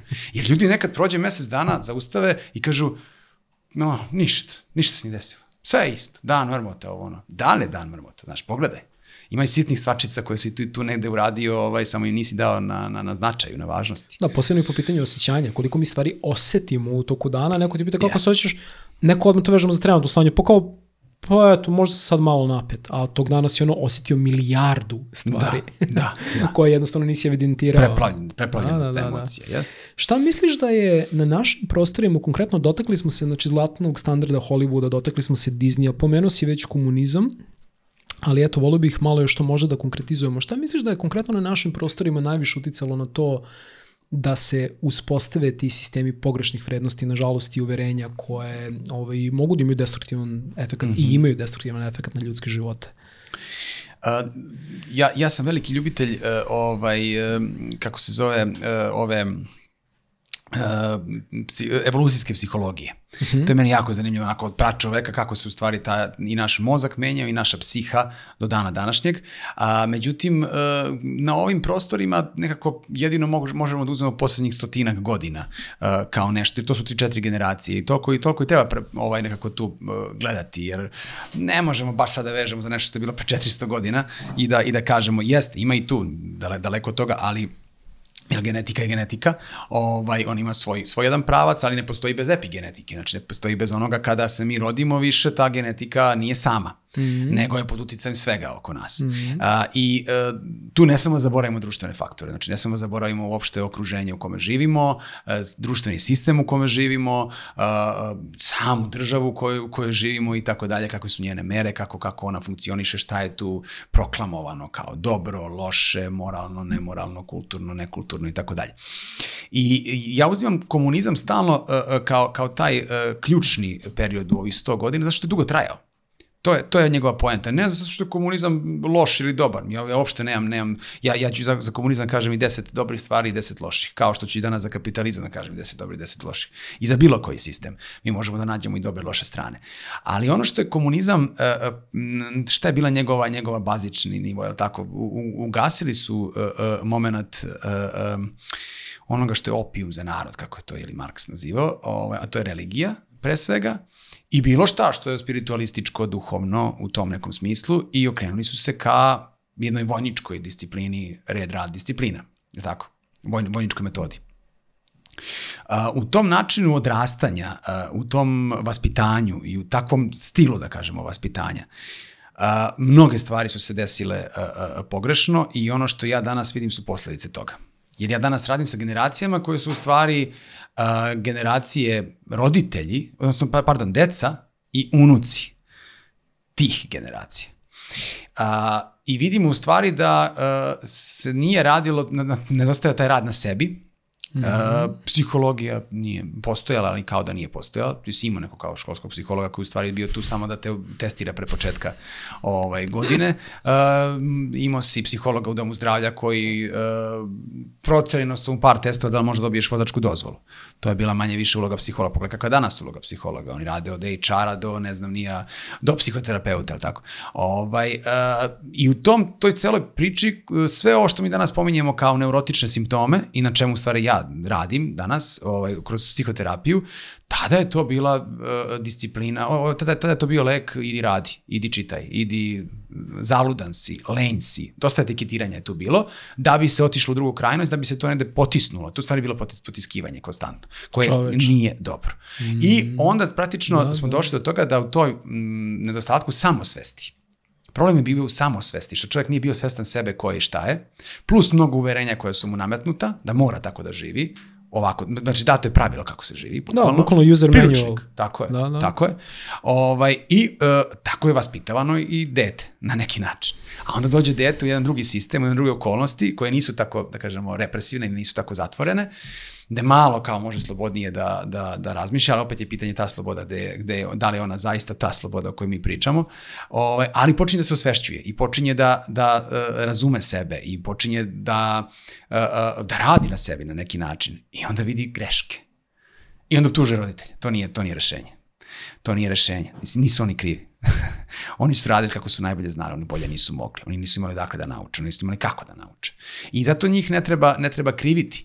A, I zato nekako ja potenciram da, da današnja generacija ima tu mogućnost da razdvoji žito od kukolja. Ima tu mogućnost da dobro izanalizira svoju porodicu porekla, svoje nekoliko kolena unazad. I da vidi, čekaj, ovo je bilo dobro. Ovo želim, ja želim da ovo moje dete ima. I, i ja ću te, te vrednosti da mu, da mu negujem i da mu pokažem, da, da, da ih živim. Ali ovo, ovo mi je bilo katastrofa. Ovo je meni toliko nanelo loše. Ovo je meni nanelo toliko trauma. E sad, tu je zamka. Kada ljudi to otkriju, odu u drugu krajnost. Uglavnom, ljudi prave promene tako što odu iz krajnosti u krajnost. Kao prostitutka koja dobije katarzu preko noći i e, postane monahinja. Monahinja. Ili heroinski zavisnik postane monah. To je odlazak preko noći za, iz, iz krajnosti u krajnosti. I mi danas zato imamo taj moment gde smo decu iz nekakvog pruta i, i, i, i ovaj, e, lupanja po, po zadnjici i to nekog strogog vaspitanja, prebacili se ovamo da je u stakleno zvono da, da on, ono, kao držimo ga ovaj, u specijalnim uslovima da, da opstane što duže. Uh, I tu deca gube, mislim, raznorazne sposobnosti. Od, od fizičkih sposobnosti, da ti danas dolaziš do toga da dete, uh, što bi trebalo fizi, fiziološki da uhvati loptu kad mu baciš u ruke sa četiri godine, ono se odbije o njegovu glavu i padne. Mislim, ne, nema čak ni refleks da, da rukama uzme, hmm. uzme loptu. Do, došli smo do te, do te krajnosti tako što smo promenu napravili tako što smo otišli u drugu krajnost. A u stvari treba da, da radimo stvari drugačije. Treba stvari Samosvest. nekako drugačije. I tu dolazi Tako do samosvesti. Tako je, Da, da, da, tako, tako. je- Znači da nekako tu nađemo balans. Uh, uh, nama ekstremi služe da bismo našli balans. Ne moraš ti da osetiš oba ekstrema da bi tražio balans. Ne moraš ti da budeš heroinski zavisnik da bi, da bi znao da je to loše. Mm. Jel tako? A da živiš bez droga ovamo kao neka druga krajnost. I tu negde tražiš sebe. Pa dobro, možda, neću, možda ne želim da budem totalno ono, straight, popiću nekad pivo, tako, ili ću nešto da uradim, ovaj, kako se zove, nema, nema čoveka bez, bez poroka, to je, to je definitivno, ovaj, nekog malo poroka. Ovaj, tako isto i u ovoj stvari. Ako si imao korpus delikti tvojih roditelja, kako je izgledalo to? I imaš sada vidiš da, da, da, da stakleno zvono nije rešenje. Traži ga negde između. Ne između u smislu sredine, nego traži ga negde de, e, bliže onoj krajnosti koju više vrednuješ. Ako više vrednuješ da treba biti nežan, dobar prema, prema svome detetu, ok, idi ka tom staklenom zvonu, ali ne zavodi se u njega, nego malko pre njega na toj skali ovaj, negde, negde naći taj, na, nađi taj balans. Na koji, sad dok pričaš o ovome dolazi mi jedno pitanje, na koji način možemo da utvrdimo da smo prihvatili jedno pogrešno uverenje ako živimo u sredini koja to uverenje smatra ispravnim? A to je jako teško, to imamo od, od Znam. mislim, gej populacija se sa tim, sa tim jako susrela, uh, ovaj, LGBT da kažemo smislu? populacija, Da. pa u smislu što, što nije, nije dobila odobrenje šire, šire uh, uh, oko- okoline za autovanje, Aha, misliš pre svega. to, da, da, okej. A, I ono što je jako specifično, na primjer, za gej populaciju, isto se opet moram dohvatiti komunizma i tog perioda, komunizma, to je socrealizam, u stvari, tako su ga zvali, nije to komunizam. Ovaj, uh, uh, oni su u stvari, uh, uh, komunizam je komuna, mislim, život u komuni, to nije komuna. Mm. Uh, oni su, ovaj, uh, uh, bilo je gej populacije u tom periodu, zamisli. Mislim, a nije samo danas kao odjednom. Uh, šta je dokaz tome? Dokaz tome je što ja danas čujem na psihoterapiji da je, na primer, uh, uh, uh, žena prevarena od strane muškarca sa drugim muškarcem. To je neko ko je odrastao u 60. 70. godinama. Hmm. Je tako? Koji je pod represivnim merama da je to ne, ne sme, zabranjeno i tako dalje, ulazi u društveno prihvatljive norme. Ženio se, venčavao se, udavali se, uh, imali decu, pravili brakove i onda tako to tako živelo, potisnuto, je tako? I onda dolazimo u jedan moment kada se sistem menja i kada postoji plodno tle za autovanje i eto ga. Eto, dolazimo do tako jednog paradoksa. I ako ne posmatramo ovako kroz istorijsku liniju, mi ne možemo razumeti tu celu priču. Zato ljudi koji danas optužuju ili ne optužuju uh, ovaj, kako se zove, i LGBT i ne znam nija šta što je drugačije od, od, od nečega što misle da je, da je, da je standard, uh, ne gledaju jako usko gledaju jako usko. Moraju pogledati mnogo, mnogo širu priču.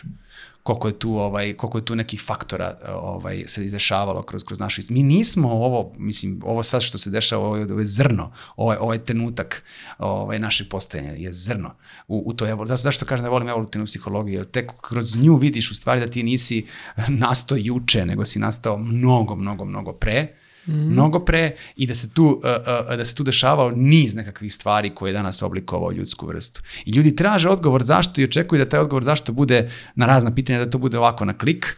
Ne može. Mora da se razume mnogo mnogo šira slika. Da. Zašto smo ovakvi ili zašto nismo onakvi i tako dalje. Zašto smo različiti. Super je što neke kulture predviđaju te cikluse u kojima živimo, koji su ogromni I upravo to, gde, gde nismo upravo samo jedinke izolovane u ovom komadiću vremena sa, eto tako, nekim spontanim problemima. Tako je. Već smo bukvalno u tom točku određenog ciklusa gde prolazimo, mislim, i na neki način i kroz evoluciju promeni samog našeg ponašanja. E sad, ono što je znači. zanimljivo da smo mi sad u ovom trenutku ovde i sada i iza nas postoji sve ono. Da. Meni to potpuno fascinantno, mislim, fascinantno mi je da nemamo ratove, mislim, u smislu malo više, kad pogledaš da ka, kakav da. sve haos stoji iza nas i koliko Ali da, uh, deluje mi da... Pa to si pravo, kada, kada neko da. danas kaže uh, uh, ovaj, da je bilo bolje pre. Pa je ti bilo bolje pre u doba jo. vitezova ili ne znam tamo onih gde ti priđe na sred ulice e, drugi e, ti glavu? Evo, za sve ljude koji to misle. Znači sad svi, ne znam, ajde, neću da kažem Tajland. Zamisli put za, za Tajland pre 500 godina. Ali ajde da ne zamišljamo toliko ekstreman primer. Zamisli put do Budve pre 500 godina. Tako je, do Čačka. Do Čačka. Ti nisi bre smeo da izađeš iz zidine grada bez oružane pratnje. Tako je. Gotov si. Tako je, znači, tako, tako, tako. Opljačkašete, ubišete, da. nema na, na tom putu između dva mesta. Da, da, da. Apsolutno. Da ne da idemo još često. dalje u plemenske da. zajednice da, i tako da, da negde su da, stvari da. životinje bile problem. Uh, uh, ovo sa što si ti naveo primjer, to je, tu smo mi, mi već izašli u piramidi lanca ishrane, mi smo već izašli na vrh u tom periodu. Da, A ako da, se vratimo da, onaj period da, da, nismo bili na vrhu lanca ishrane, nego je bio lav, mm. bio je tigar, bio je neko drugi u odnosu na nas, uh, koji je to tek strah bio. I kakav se tu stvari u naš limbički sistem, odnosno taj naš emocionalni mozak, uh, taj impulsivni, pra, praiskonski mozak, deo mozga, koliko se tu u stvari uvuklo strahova koliko se tu stvari uvuklo opreznosti, to nisu strahovi, to su bile opreznosti za burno, brzo reagovanje da se spaseš, da te ne pojede ta živuljka. I to je trajalo najduži period u našem postojanju homo sapiens. najduži da, period. Da, da, I ti da. danas očekuješ... Da, da naš da, mozak se razvija u tom je. periodu. Naj, da, I ti da. sad očekuješ da, da se to preko noći tek tako jedan put ugasi, ovaj, da, da, da ga nema. Đavol. Iako smo, evo, mi smo sad ovde kao sigurni, jel tako, ovaj plafon 99,9% neće pasti, jer su to arhitekte ovaj, tako projektovale, nije neka velika pa ništa nam se, nema divljih zveri, nema pasa, lutalica, sedimo mirno ovde, pijemo, sve je okej. Okay. A opet će da bude neka, opet neka tenzija. Opet je nešto te naš drži. U stvari te drži to. Držite taj tvoj praiskonski, ovaj, kako se zove, predak, koji, koji je spašavao živu glavu. Da, to je jako isto zanimljiva tema. Tome bi isto mogla da se posveti, mislim, jedna cijela epizoda. Ti si mi baš pričao da zapravo nekada i izučavaš taj jedan de, različite delove mozga i da zapravo često reagujemo iz tog dela koji je dosta instinktivniji. E, da, A... za, na primjer, ako pričamo o impulsivnosti, uh -huh. uh, o nekih blažih impulsivnosti, što ću ja da se iznerviram u nekom razgovoru i da kažem nešto što nisam mislio, to ono što ljudi kažu, rekao si u afektu. Ja sam to mhm. rekao u afektu, izvini, molim te, nisam teo da kažem. Uh, ili neko se ni ne izvini, ili tako, neko kažu afektu, afektu i ode. Ovaj, do nekih ekstremnih slučajeva gde, gde neko nekog ubije. Jel tako? Ili napravi neki masakr, zločin ili neke slične stvari. Uh, Zašto se to dešava? E, nema tu jasnog objašnjenja, nema tu prostog objašnjenja, ali naš uh, mozak prima informacije preko čula iz poljašnje sredine. I uh, primajući te informacije, uh, uh, to, su, to su, da kažemo, senzitivne informacije koje dolaze i sve se skupljaju u jednoj tački u mozgu. To se zove talamus to su neki ljudi čuli, neki nisu, ali to je jedno jezgro malo u mozgu gde se sve te informacije skupljaju. I sad, kao u kompjuteru, uh, te informacije koje smo videli, čuli, dodirnuli, osetili, ovaj, namirisali i tako dalje, ovaj, sve te informacije uh, uh, moraju da se dekodiraju u kod mozga. I to talamus i radi. Svaku od tih informacija on dekodira. E sad, odatle bi trebao da šalje dalje informacije ka ostalim delovima mozga. Kojim ostalim? On bi trebao prvo da pošalje u taj neokorteks, novi korteks, koji je u stvari nastao kasnije. Mnogo kasnije od ovog emocionalnog dela uh, mozga koji se zove amigdala. A, to bi trebalo po pravilu po PS-u. Znači da on sad tu informaciju što je video pošalje u Cortex, Cortex to obradi i kaže dobro, aha, video si to i to, to može da bude to, a može da bude i ovo, nemaš razloga da se plašiš, to nije opasno jer si već u iskustvu imao da to nije, a? i onda odatle pošalje informaciju u emocionalni mozak i ti si miran i ti odreaguješ smireno, tebi je sve ok, ili odreaguješ tako što plačeš, jer ti kaže ko, taj racionalni deo mozga da moraš da plačeš, ili ti kaže beži, ovo je opasnost, što on racionalno procenio da je to opasnost. Sve ovo što ja pričam ovako usporeno se dešava u milisekundi ovaj, kod nas. Međutim, jedno istraživanje uh, na Njujorškom univerzitetu je pokazalo 90. godina, je pokazalo uh, na jednoj grupi ovaj, pacova, njih 10 je bilo u kavezu, i svima je ovaj, hiruški odstranjen uh, uh, ovaj, centar za sluh u kori velikog mozga, znači u neokorteksu. I uh, oni su bili izlagani danima uh, određenim stimulacijama struje, ali prethodno je pušt, puštana sirena, vrlo jaka sirena. I svaki put kad se pusti sirena, uh, bio je elektrošok i oni bi se razbežali, počeli da, da, da cvile i tako dalje. Nakon mesec dana su po prvi put nisu puštali elektrošokove, već samo sirenu. Kako bi pustili sirenu, pacovi bi se razbežali. I to je takav eksperiment koji je totalno ovaj uneo pometnju ovaj i, i pokazao koliko u stvari mi ne znamo ništa o, o, o našem mozgu. A šta je on u stvari pokazao? Ono malo pre što sam ja pričao, čula, talamus, pa iz talamusa u, u koru velikog mozga, racionalni deo, pa onda emotivni deo. Ne idu sve informacije u tom smeru. Jer da je tako, kad ti ostraniš e, deo za sluh u mozgu, oni ne bi čuli onu sirenu koju su malo pre čuli. Što nam je u stvari pokazalo da određeni deo informacija i dalje iz tog talamusa ode pravo u emocionalni deo mozga, bez racionalnog dela mozga. Zašto? Zato što taj sistem još uvek nije savršen, to je jedna stvar. A druga stvar je što smo zaista tako nabaždareni da nekad nema potrebe da, da, da ti racionalizuješ stvar, već reaguješ impulsivno, da bi se spasao. Međutim, u masi slučajeva je taj put, taj, taj preskok puta odgovoran i za mentalni poremećaj i za neke, neka dela i zlodela koja se dese i tako dalje. Jer hmm. čovek koji, koji, mesec, koji, koji mesec dana ne može da racionalizuje neku priču i ode i uradi nešto što, što, je, što je loše, na primjer ubije neko, znači mesec dana planira ubijstvo, nijednog trenutka njemu njegov kognitivni deo mozga ne kaže čekaj, da li je to ok, da li je to moralno, nemoj to raditi, uzet ćeš nekome život, to nije u redu. Mislim, milion nekih stvari kako već može čovjek da objasni čoveku, ne, to ne postoji. Njemu konstantno šibaju impulsi ka emocionalnom delu mozga i on odlazi i uradi to što uradi. Pričamo o bolesnom čoveku. Da, nažalost, podsjetilo me sad i na ovu situaciju. Nažalost. Da, da, da. Da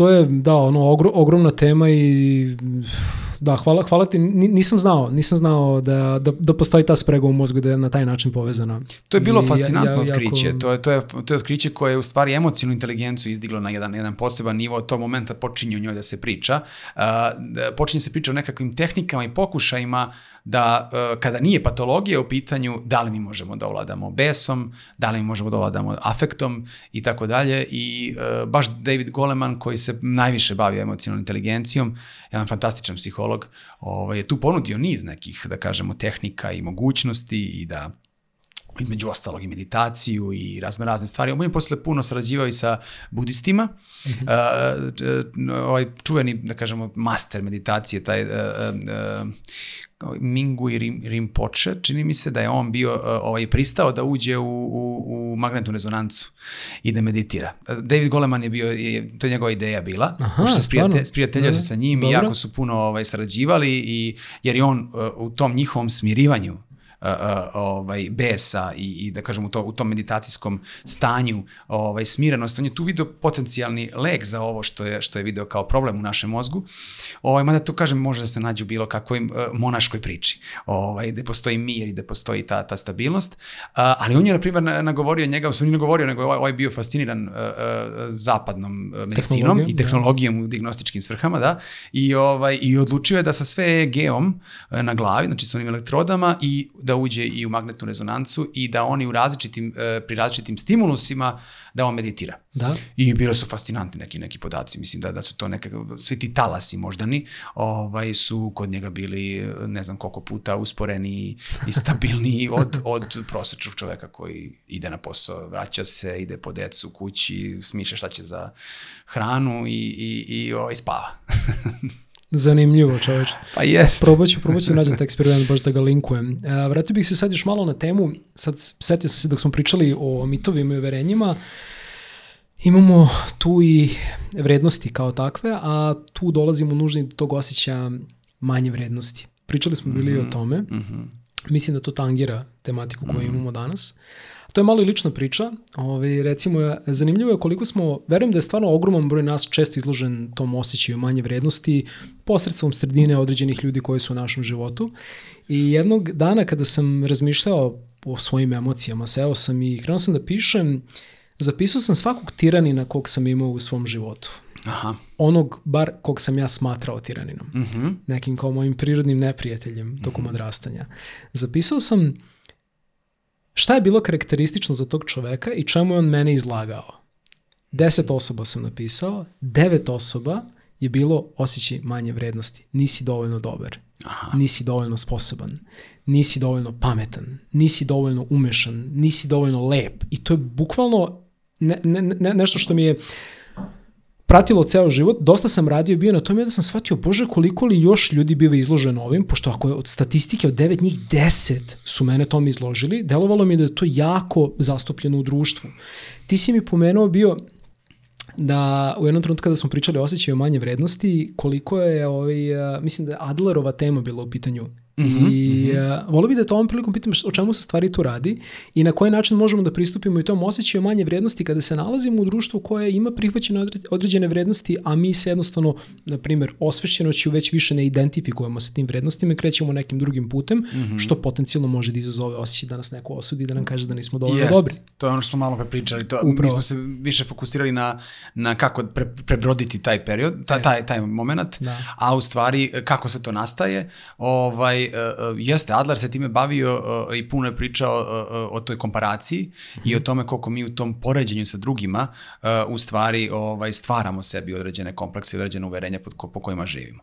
Isključivo smo poređenju sa drugima. Međutim, uh, uh, naš, uh, ja tu, kad krenem na ovu temu, mm -hmm. ja mhm. opet nekako ne, ne volim da krenem na tu temu sad od trenutnog događaja, na primjer, ili trenutne situacije, nego opet idemo unazad pa da vidimo uh, retrospektivno kako je to izgledalo. I šta prvo, onako kad, kad kreneš od rođenja pa na ovamo, prvi pravi taj udar, da kažemo, ovaj, uh, uh, je, je škola. Mm. Zašto? Zato što, je, zato što u školi počinje gradiranje. U vrtiću toga toliko nema, niko te ne potencira ka tome, predškolsko manje više, to i nije, ta, zato, zato se to, to se jedino smatra suštini detinstvom do sedme godine, pravim onim detinstvom bezbrižnim. Zašto? Zato što već u sed, sa 7-8 godina ti dobiješ ocene. I to je to, to je, to je prvi taj moment e, niže vrednosti. Ako si dobio četvorku, petica je osjećaj prave vrednosti, jedini. Četvorka nije.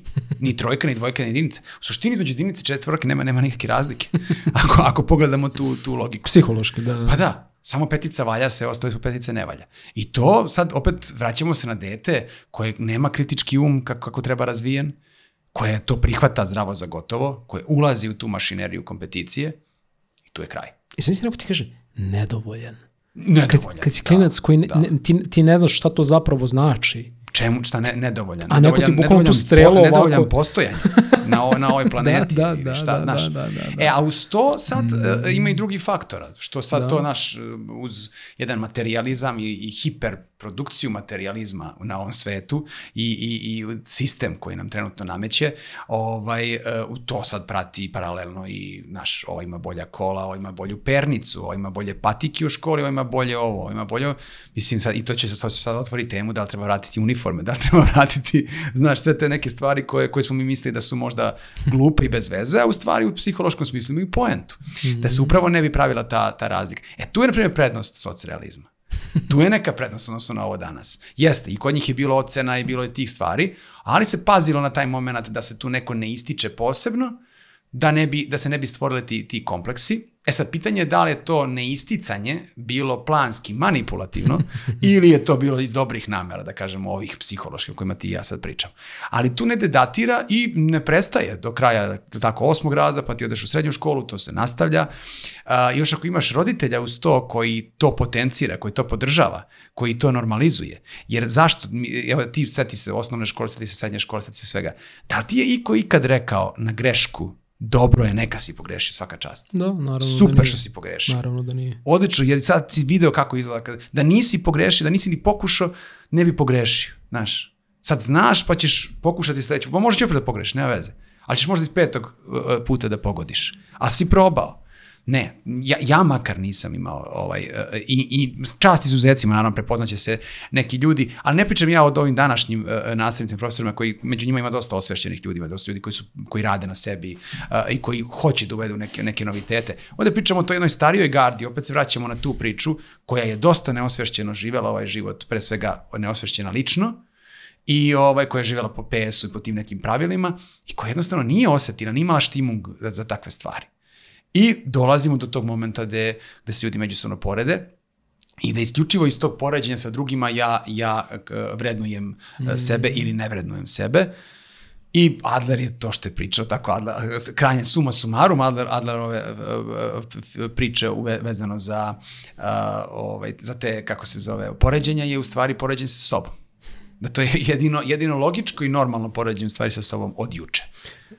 Ne sa sobom danas, nego sa sobom od juče. Hteo sam da te pitam upravo šta bi, šta bi mogao da daš evo svim osobama koje sad gledaju koje možda imaju problem sa osjećajem manje vrednosti kao neku vrstu alata da može da im pomogne na tom putu da se reše tog osjećaja. M, e, ne, da, da jednostavno kroz ovaj život negde uh, uh, stavljaju konstantne checkpointe i da te checkpointe beleže. Ima, uh, ima dobrih, uh, na primjer, fitness instruktora uh, koji rade isključivo sa slikama. Mislim, ne da se isključivo sa slikama, nego koriste slike kao tehniku u radu sa svojim klijentima. I slikaju svog klijenta svaki 7 dana. Znači ti si krenuo sa personalnim trenerom da radiš, imaš cilj, stavili ste koji cilj, on te slika svaki 7 dana. U istoj pozi, u istom, uh, uh, kako se zove, na istom mestu, ist, i, i sve, sve isto. I ti kad napraviš retrospektivu, napraviš da si u dve godine u teretanu i onda pogledaš taj album sa sličicama. Znaš, kažeš, wow, vidi. Ovde, a vidiš, ovde sam uh, bio dobar, a ovde je bio Božić, znaš, pa sam, pa sam se ponovo malo ugojio, pa, pa i tako, znači, tako analiziraš i vidiš celu retrospektivu. E to mora da se radi i, i, i na, na ličnom razvoju da negde, jer čime ćemo mi da poradimo, e, ovaj, jer mi to na, te, mi to na terapiji radimo. Prva, pr, na prvoj terapiji koja se zove intervju seansa se uzimaju lični podaci, uh, govore se neki uh, ovaj, pravila regulative terapije, otvara se klijentov problem i za kraj se ostavlja prostora da se postave ciljevi. Ako nemamo dovoljno vremena, klijent će to uraditi uh, za domaći zadatak do sledeće seanse. On mora da postavi ciljeve. Zašto? Jer su ti ciljevi nama merilo uh, ovaj, da, li idemo, da li idemo u pravom smeru ili ne idemo. I da li imamo progres ili nemamo progres u celoj priči. Jer, to, jer je ovo abstraktna stvar. Ovo nije došao si kod doktora, bolite grlo, uh, bakterijska infekcija, evo ti antibiotik, prođete za 7 dana i ti vidiš da je prošlo i kažeš hvala vam, puno prošlo je i osjećaš da je prošlo. Ovde ti nemaš merni instrument uh, ovaj, u psihologiji ili u ličnom razvoju, ti nemaš uh, merni instrument gde si, šta si. Zato moraš da postaviš ciljeve, ti ciljevi mogu da budu kratkoročni, dugoročni, mogu da budu, možda ih ima 10, možda ih ima 2, ali u odnosu na njih stalno pravimo poređenje. Odradimo 10 seansi, pa onda se vratimo i klijent sam pogleda sebe unazad pa vidi gde je bio kad smo se prvi put videli. To je bilo odlično, to je odlično dok, dok kao, kao edukant ti snimaš e, seanse. I onda je fascinantno klijentima kada im pustiš prvu seansu, kao joj, sam ovo ja čovječ, pogledaj, pogledaj kako sam ono, sav, sav sam mu kaže ovako, pa ovako, jest. Jedino tako možemo, možemo da, ovaj, da li će to da bude neki dnevnik, da li će to da bude neko zapisivanje, da li će to da budu ti, uh, flo, jeste malo floskula, uvek svi vam pred novu godinu zapišite novogodišnje ciljeve i tako da. Ja to nisam radio 10 godina, uopšte. I ove godine sam nekako, ovaj, daj da sve šta me mrzi čoče da zapišem, ajde, znaš, kao, ipak je to tehnika, jeste da je malo izlizana, a to je kvalitetna tehnika. I ja uzmem i napišem i samo malo, malo opustim ruku i to je bilo nekih 15-20 stvari. I zatvorio sam ja taj rokovnik i setim ga se pre krajem aprila. I otvorim, ja pogledam u stvari, ja, ja sam 50% zaboravio da sam uopšte napisao. Bukvalno me podsjetilo i vratilo me na put u stvari da se posvetim sa tim stvarima koje sam totalno zaboravio. Jer ja, ja imam tu, imam to, volim da kažem da, da, ovaj, da ono što, uh, uh, um, što ne zapišemo ili ne naučimo na pamet, to ne postoji. To ode. To je misao koja je naišla i, i nesta. Pogotovo danas u moru informacija e, za koje naš, naš mozak uopšte nije pripremljen i uopšte nije, nije ovaj, programiran, tu tek nemaš šanse da, da, da se ti nečega setiš. Kalendar, rokovnik, mm. telefon, upisuj, crtka i piši, znači ne, ne, nema bez toga ništa. To će biti naša budućnost. Da, da. Dakle, za osjećaj manje vrednosti ne poredi se s drugima. Ne poredi se s drugima. Piši. Tako je. I pravite tačke pomaka na svakodnevnom nivou u odnosu na svoje ciljeve. Dakle, definiši ciljeve i onda polako, korak po korak. I za, i za klince svaka ocena za đaka. to jesu govorili, ali nisu mislili da, da, da. i nisu poštovali. Ma da postoje sistemi koji već polako ukidaju ocene. Jest, Švedska, sam. Japan, čuo polako već, mislim, pretpostavljam da su i, ako se psihologija razvija kao i sve ostalo, uvidjeli su probleme toga. Tako je. I, tako ovaj, je. I da, za šta da, da uopšte da, ti, da, da ti bude... ovaj, evo kad si pomenuo malo pre da se ovo desilo, što se desilo, ovaj, ovaj ne, ne, nemili tragični događaj, ovaj, uh, šta, šta je sad tu, da kažemo, sistemsko rešenje? Ja, ja, ja prva, prva moja reakcija je bila, ja sam odgovoran za ovo. Mislim... Svi smo. Svi smo. Svi smo. Uh, jer, jer ja imam pet predavanja koja mogu da, da, da spustim i na nivo deteta i na nivo nekoga od 7, 8, 7 8 razred uh, ovaj, o emocijama, o, ali nisam se usudio da odem i da pokucam u vrata neke škole, čak škole koje moj sin ide i da ponudim da nekome. Zašto nisam? Ne, čekam da me zovnu. Ne, ne, ipak je to pasivnost. Ipak je to pasivnost. Znaš, ja ću da organizovati online, na internetu i tako dalje, ali neću, uh, uh, moramo da se vratimo tome, jer kao što, mislim, zašto je, u čemu je razlika da kad dete dođe u prvi razred i uči da je 2 plus 2 jednako 4? Zašto ne bi imao predmet uh, šta znači sreća, šta znači tuga, šta znači bes, šta znači ovo, šta znači, mislim, cela, cela paleta emocija. Ne možeš ti s njim da pričaš na nekom nivou ko što ti i ja sad pričamo, ali možemo da crtamo, možemo smajlije, Možemo svašta da napravimo. Svakakve radionice koje će da upute decu i na emocije, i na osjećanja, I tu će ljudi da se prepoznaju. Da, i koja će da rezonira sa njihovim nivom kognicije u tom trenutku. Tako je, da spustimo mm -hmm. na taj nivo. A da ne pričamo o tome da, eto, na primer, škola u kojoj moj sin ide, ima hiljadu đaka, a ima jedan psiholog. To je već stvarno, mislim, ono, katastrofa. Uh, i, I plus ta svest. Eh, sticam okolnosti, pošto sam ja sad bio angažovan da nekako se, eh, ako neko od roditelja, a imali su dosta problema sa, sa, sa decom, eh, baš iz, iz osnovne škole Ribnikar, ovaj, da se jave, da, porazgo, da možemo da porazgovaramo i tako dalje.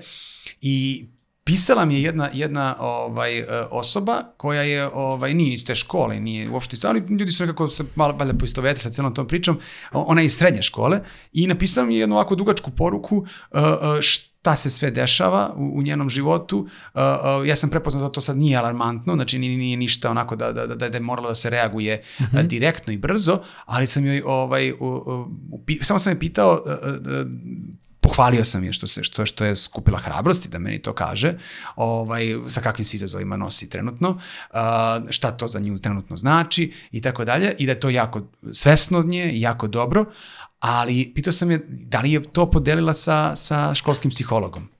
I ona je meni na to samo odgovorila uh, jao, hvala vam puno, nije mi palo na pamet. ja sam ostao nema.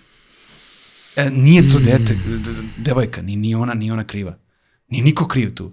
Mislim, krivi smo mi, kriva je, kriva je kampanje, što nema kampanje, što nema normalizacije, a, a, a, da, da je to jedna, jedna normalna stvar da ti Da, ti teško što upriti prst ko je tu kriv. To Nema, je nema jednostavno tu. trenutno stanje koje je samo po sebi potpuno bizarno. Tako je, ali koje se da promeniti, mislim. Samo što uh, čini mi se da uh, ta promena, to nije promena koja će se u novčanom smislu isplatiti u, u, u datom trenutku. Ti kad napraviš zgradu, pa prodaš sve stanove, ti si u ogromnoj dobiti. To je biznis. Samo što da pričamo o valuti života. Tako je. A, a sad neko da otvara nova radna mesta i toliko novih radnih mesta, pa to je trošak, pa plati ovo, pa plati ovo, pa plata, pa da, da. Da, to je minus. to je minus u nekakvom budžetu. Ali ne gledamo šire, ne gledamo ovaj, iz tog sistemskog pristupa da je u stvari time rađaš generacije zdravih, normalnih ljudi, e, pre, preveniraš raznorazne nemile događaje i tako dalje. I dalje šta će biti u budućnosti, to je sad tek, je tako pitanje. Zato ulažeš. Znači nije da ne ulažeš. Ok, možda se ne vraća novac istog momenta, možda nije tange frange, ali je na, na duhovnom nivou ili na, na ljudskom nivou nešto, nešto da, ne to prevaziđeno. je na toliko drugih nivoa bitnije i... Ne pričam samo o našem da, sistemu da, i da. našem društvu. Uh, uh, da. Korona je ako šta pokazala u celom svetu, Mhm. je pokazala da je zdravstveni sistem u jednom ozbiljnom downu u gotovo svim zemljama. Mhm. Jer ti nisi imao kapaciteta da primiš ljude. Ti si imao totalnu dezorganizaciju na svim nivoima gotovo svim državama. Što je njima bio znak, a i nama je bio znak, to je ni oni toliko ne ulažu u nešto što ti direktno Da. ne vraća novac. Nisu ti Nemci toliko stvari drugačije od nas. Nisu, ni, iako visoko lete ovaj, i odoše. I odoše da, da, da, da.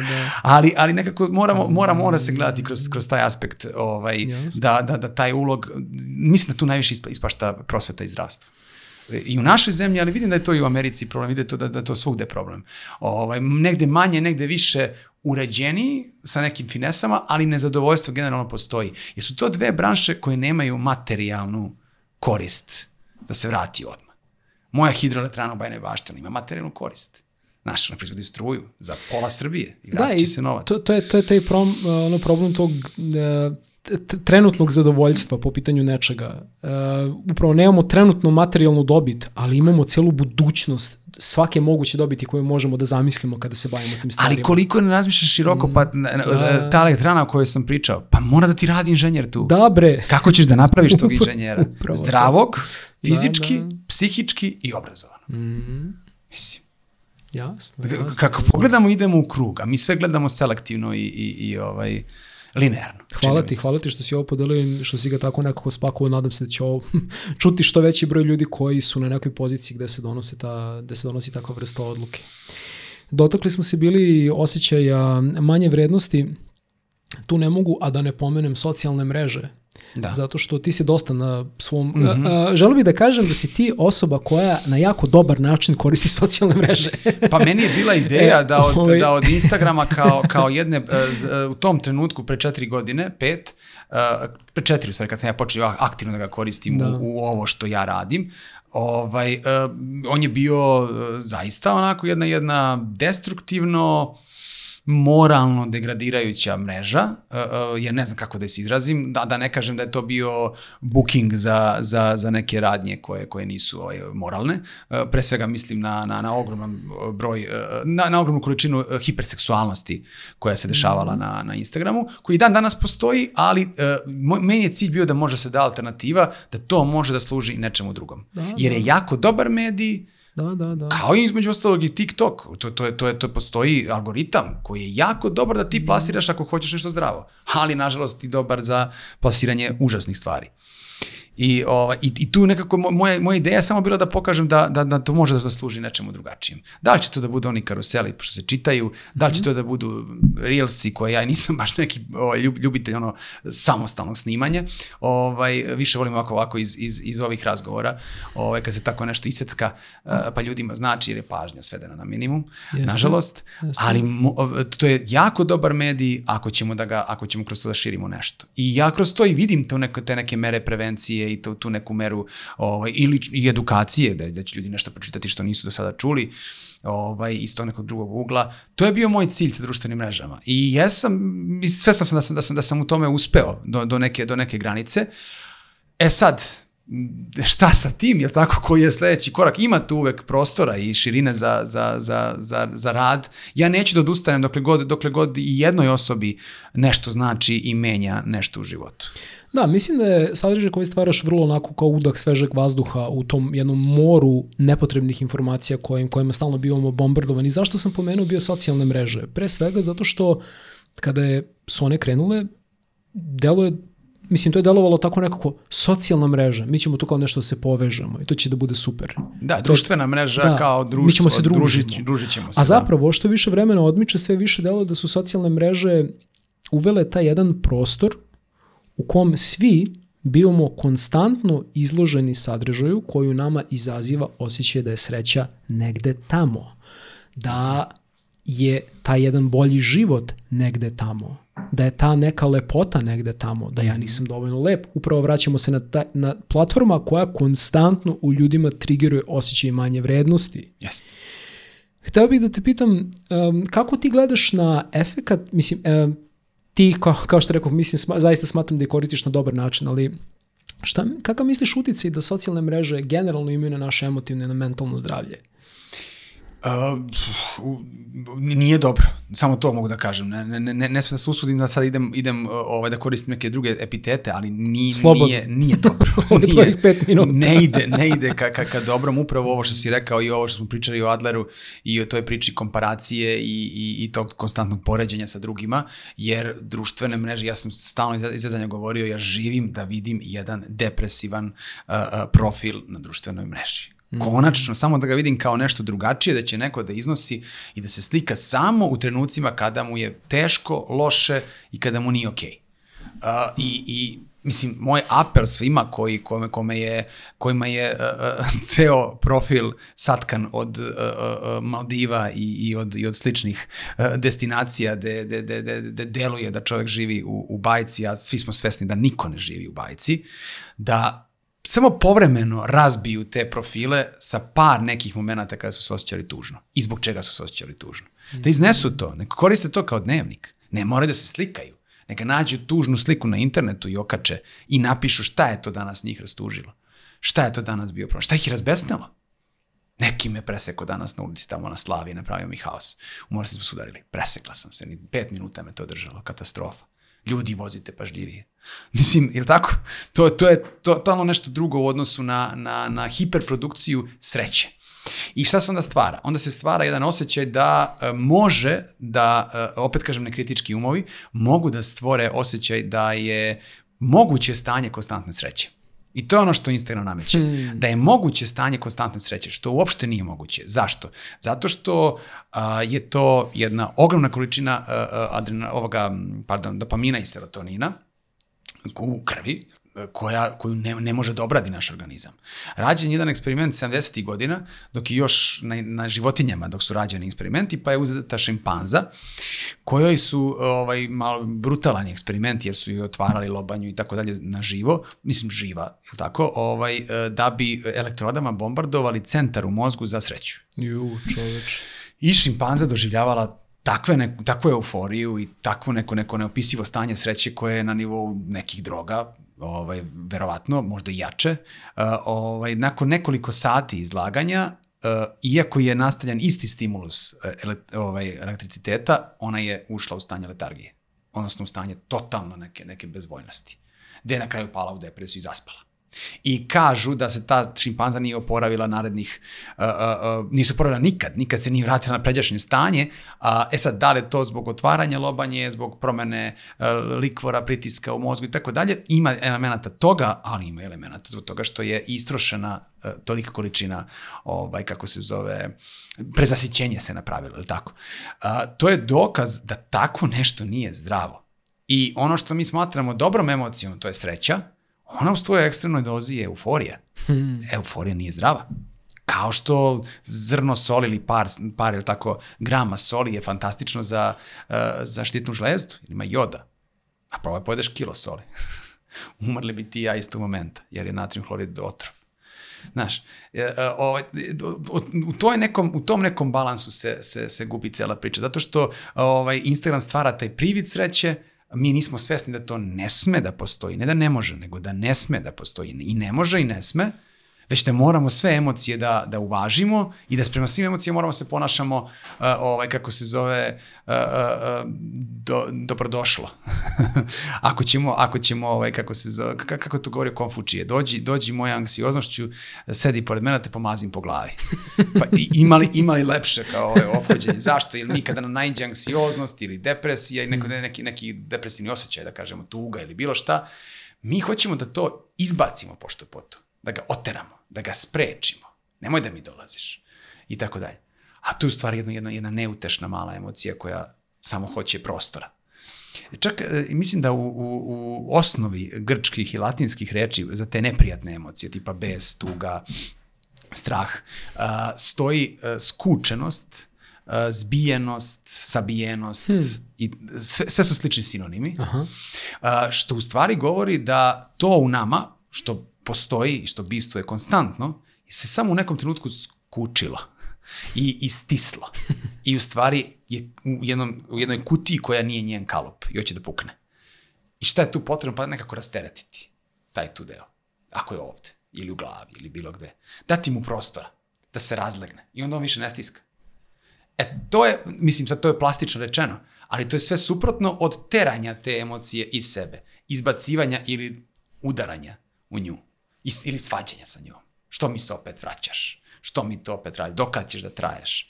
To su dijalozi koje, koje mi vodimo sa, sa neprijatnim osjećanjima u nama.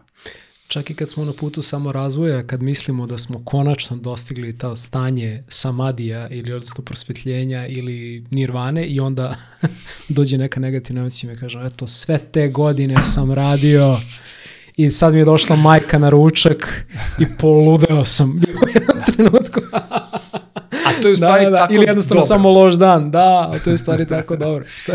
baš je, baš je ovaj što sam pomenuo malo pre, taj, taj Rim poče, on je, on je opisao u toj njegovoj knjižici, kaže da ga je neverovatno uh, nervirala neka mušica dok je, dok je ovaj, meditirao, pa mu se desilo, pa mu se desilo ono, i da je mu otac stalno govorio, uh, uh, samo, samo se fokusiraj na nju fokusira se na nju koliko je ona dobra, koliko je ona fina, koliko ona sad tu ovaj, fantastično zuji oko tebe. Ovaj, ne, nemoj je mrzeti, ja. nemoj, nemoj, se, nemoj, se, nemoj je terati. Nije, nije lako to, to mislim. Da, da ovaj, da, da, da, da. Ima oni, oni zezanja, znaš, kad, kad, kad ovaj, da li je to ona, ona parodija usijane glave sa Charlie Sheenom, znači Aha, ono, i da, sad da, kad da, se pojavi ona, ona ženska sa, sa oblinama da. gore u budističkom manastiru i oni svi, ono, koji su do tada, ne znam, nije, ono, decenijama meditirali, ma kako, oči im ovolike popadali, tako je. Ne, ljudskost je u pitanju, mislim, da, da, i da. monasi su ljudi da. i, i, i, i bolesni ljudi su ljudi, mm. mentalno bolesni ljudi su ljudi, svi su, svi su ljudi i svi, niko od nas nije robot. Da, je to što niko kažeš, ok, ne, bi, ok, ne biti ok. Nekako. Ok je ne biti ok. To je sasvim, Tako je. sasvim, sasvim A Irvin Jalom, da, da. Čuveni, čuveni američki psihoterapeut, je, je e, mladima, uh, mladim terapeutima dao savet da ponavljaju sebi ništa ljudsko mi nije strano. Hmm. Uh, to je malo teško. Uh, i van granica terapije hmm. pogotovo teško. Kako ti sad da, da, da sve ono uvažiš? Mi moramo ja, ja moram zbog, zbog Hipokratove zaklete, zbog etičke zaklete, zbog, zbog, eh, zbog ljudskosti, jel tako, pristupa i svega, meni to mora da bude parola. Bilo bi lepo kada bi to bila parola svima, ali samo pod uslovom da je svima parola, jer mi se onda mnogo više i uvažavali i poštovali i, i, i cenili i, i jedno drugom, ovaj, kako se zove, širili tu dobrotu i ljubav, ali nažalost, upravo, upravo iz neprihvatanja ljudi kakvi jesu, iz neprihvatanja različitosti na raznoraznim nivoima, a niko nije isti. To je nevjerovatno. Mislim, mi, mi, mi kao pravimo neki kalup i pokušavamo da se ukalupimo i da kroz taj kalup kao, o, on je isti kao ja, to, mi smo isti, mi smo Srbi, znaš, mi smo isti. Ne, nismo isti, u, nismo isti mi ovde sad u prostoriji. Nas četvor ovde nije isto. A kamo li da su svi na jednom području ili da su svi na planeti isti. E, ali kad počnemo da uvažavamo te različitosti, i različitosti u mišljenju, i različitosti u pogledu, i različitosti u odevanju, i različitosti u kako, da, kako ovaj diše, kako ovaj diše, znaš, može nekome da smeta što neko hrče kad spava, znaš. Mm -hmm. A ti to moraš da uvažiš, mislim. Da moraš da pokušaš da živiš sa tim. To je možda lep način interpretiranja duhovnosti bez obzira na religijsku ispovest kojoj je čovjek posvećen, a to je a, e, prepoznati u mnoštvu jedinstvo. Jest. I ti upravo to, svestan si da smo različiti, ali smo svi negde povezani. Tako je. I kad se desa ovakve neke stvari kao što se nadalo desilo u osnovnoj školi Ribnikar, shvatamo da je zapravo to odgovornost svih nas. To je, Da. pro, to je prošlo kroz sve nas. Tako je. Tako I je. to je, to je upravo to razumevanje. Nije to tamo negde.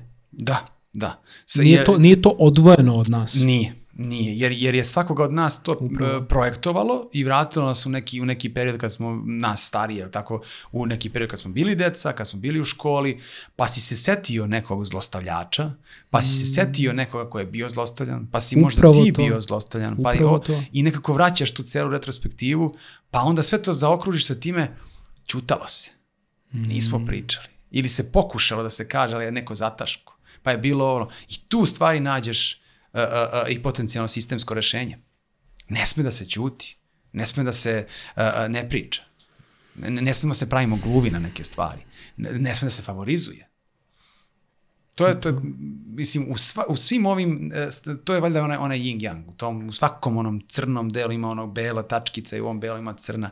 To, toga moramo da budemo svesni. Dok ne budemo videli obe strane medalje, mi ne možemo da vidimo širu sliku, a bez šire slike mi ne možemo ponudimo nikakvo a, a, a, potencijalno promenu. Neću kažem rešenje. Ne, ne postoje promenu. rešenje za ove stvari, samo promenu.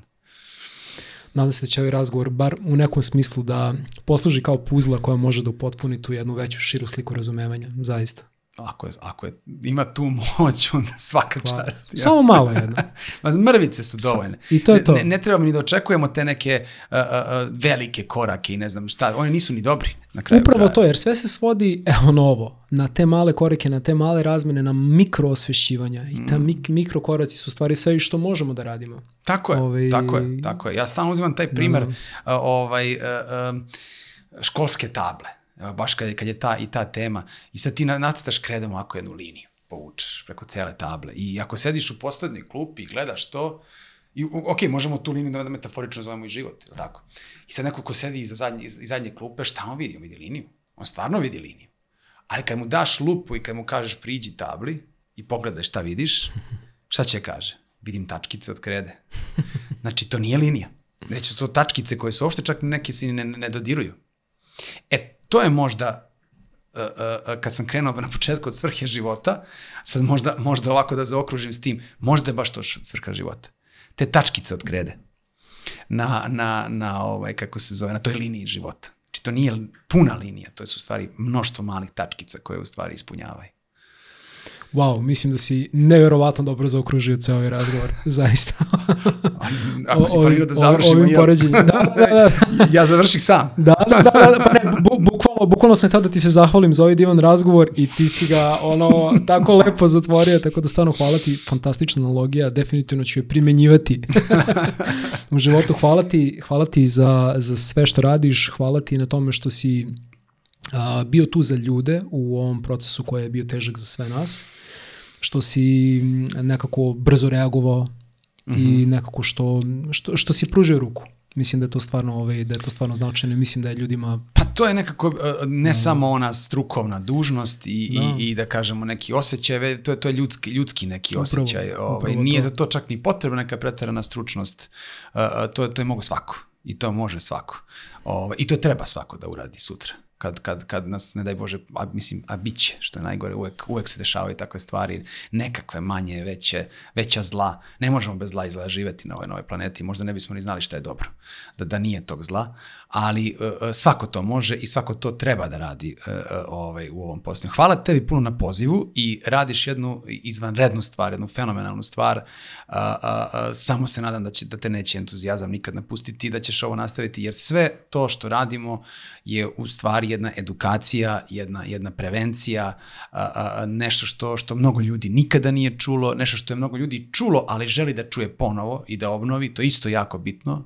Ono, kako bi, istorija je, ne istorija, nego je učenje uh, je, učenje se razlikuje od čitanja, a ima i ona izreka kao da je pona, ono ponavljanje u stvari pravo učenje. Jeste preslišavanje u stvari pravo, pravo učenje, a neko će čuti neke totalno nove stvari pa će, pa će, ovaj, pa će mu promeniti neki pogled. Neće mu promeniti život. Nisu, nisu, ja, ja ne verujem i ne volim te katarzične promene od 180 stepeni kako ljudi zamišljaju ljudsku promenu. Ne, To su vrlo male mikropromene koje u stvari naprave u stvari ovaj, ogromnu unutrašnju promenu kod čoveka. Upravo to. Nema na čemu. Ne, ne, neće se predati. Zaista. Ovaj, na kraju svakog razgovora sam zahvalan samom sebi što sam odlučao da krenem da radim. Ove, Samo napred. I mnogo mi znači. I, Imaš našu podršku. Sistem podrške, jako to je, bitno. To je jako bitno. I zaista ga imam i, i hvala ti. Hvala ti što si se odazvao da budeš moj gost. Hvala svima vama koji ste ostali sa nama do kraja ove epizode Kosmičkih putnika. Nadam se da ste naučili nešto novo. U linkovima u opisu ispod ovog videa ću staviti sve relevantne informacije vezano za naš današnji razgovor tako da ćete moći da stupite u kontakt sa Markom ukoliko a, osjećate potrebu za tim.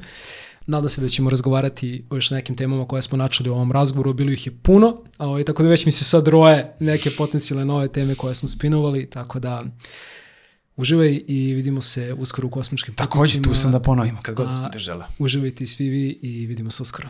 Ćao.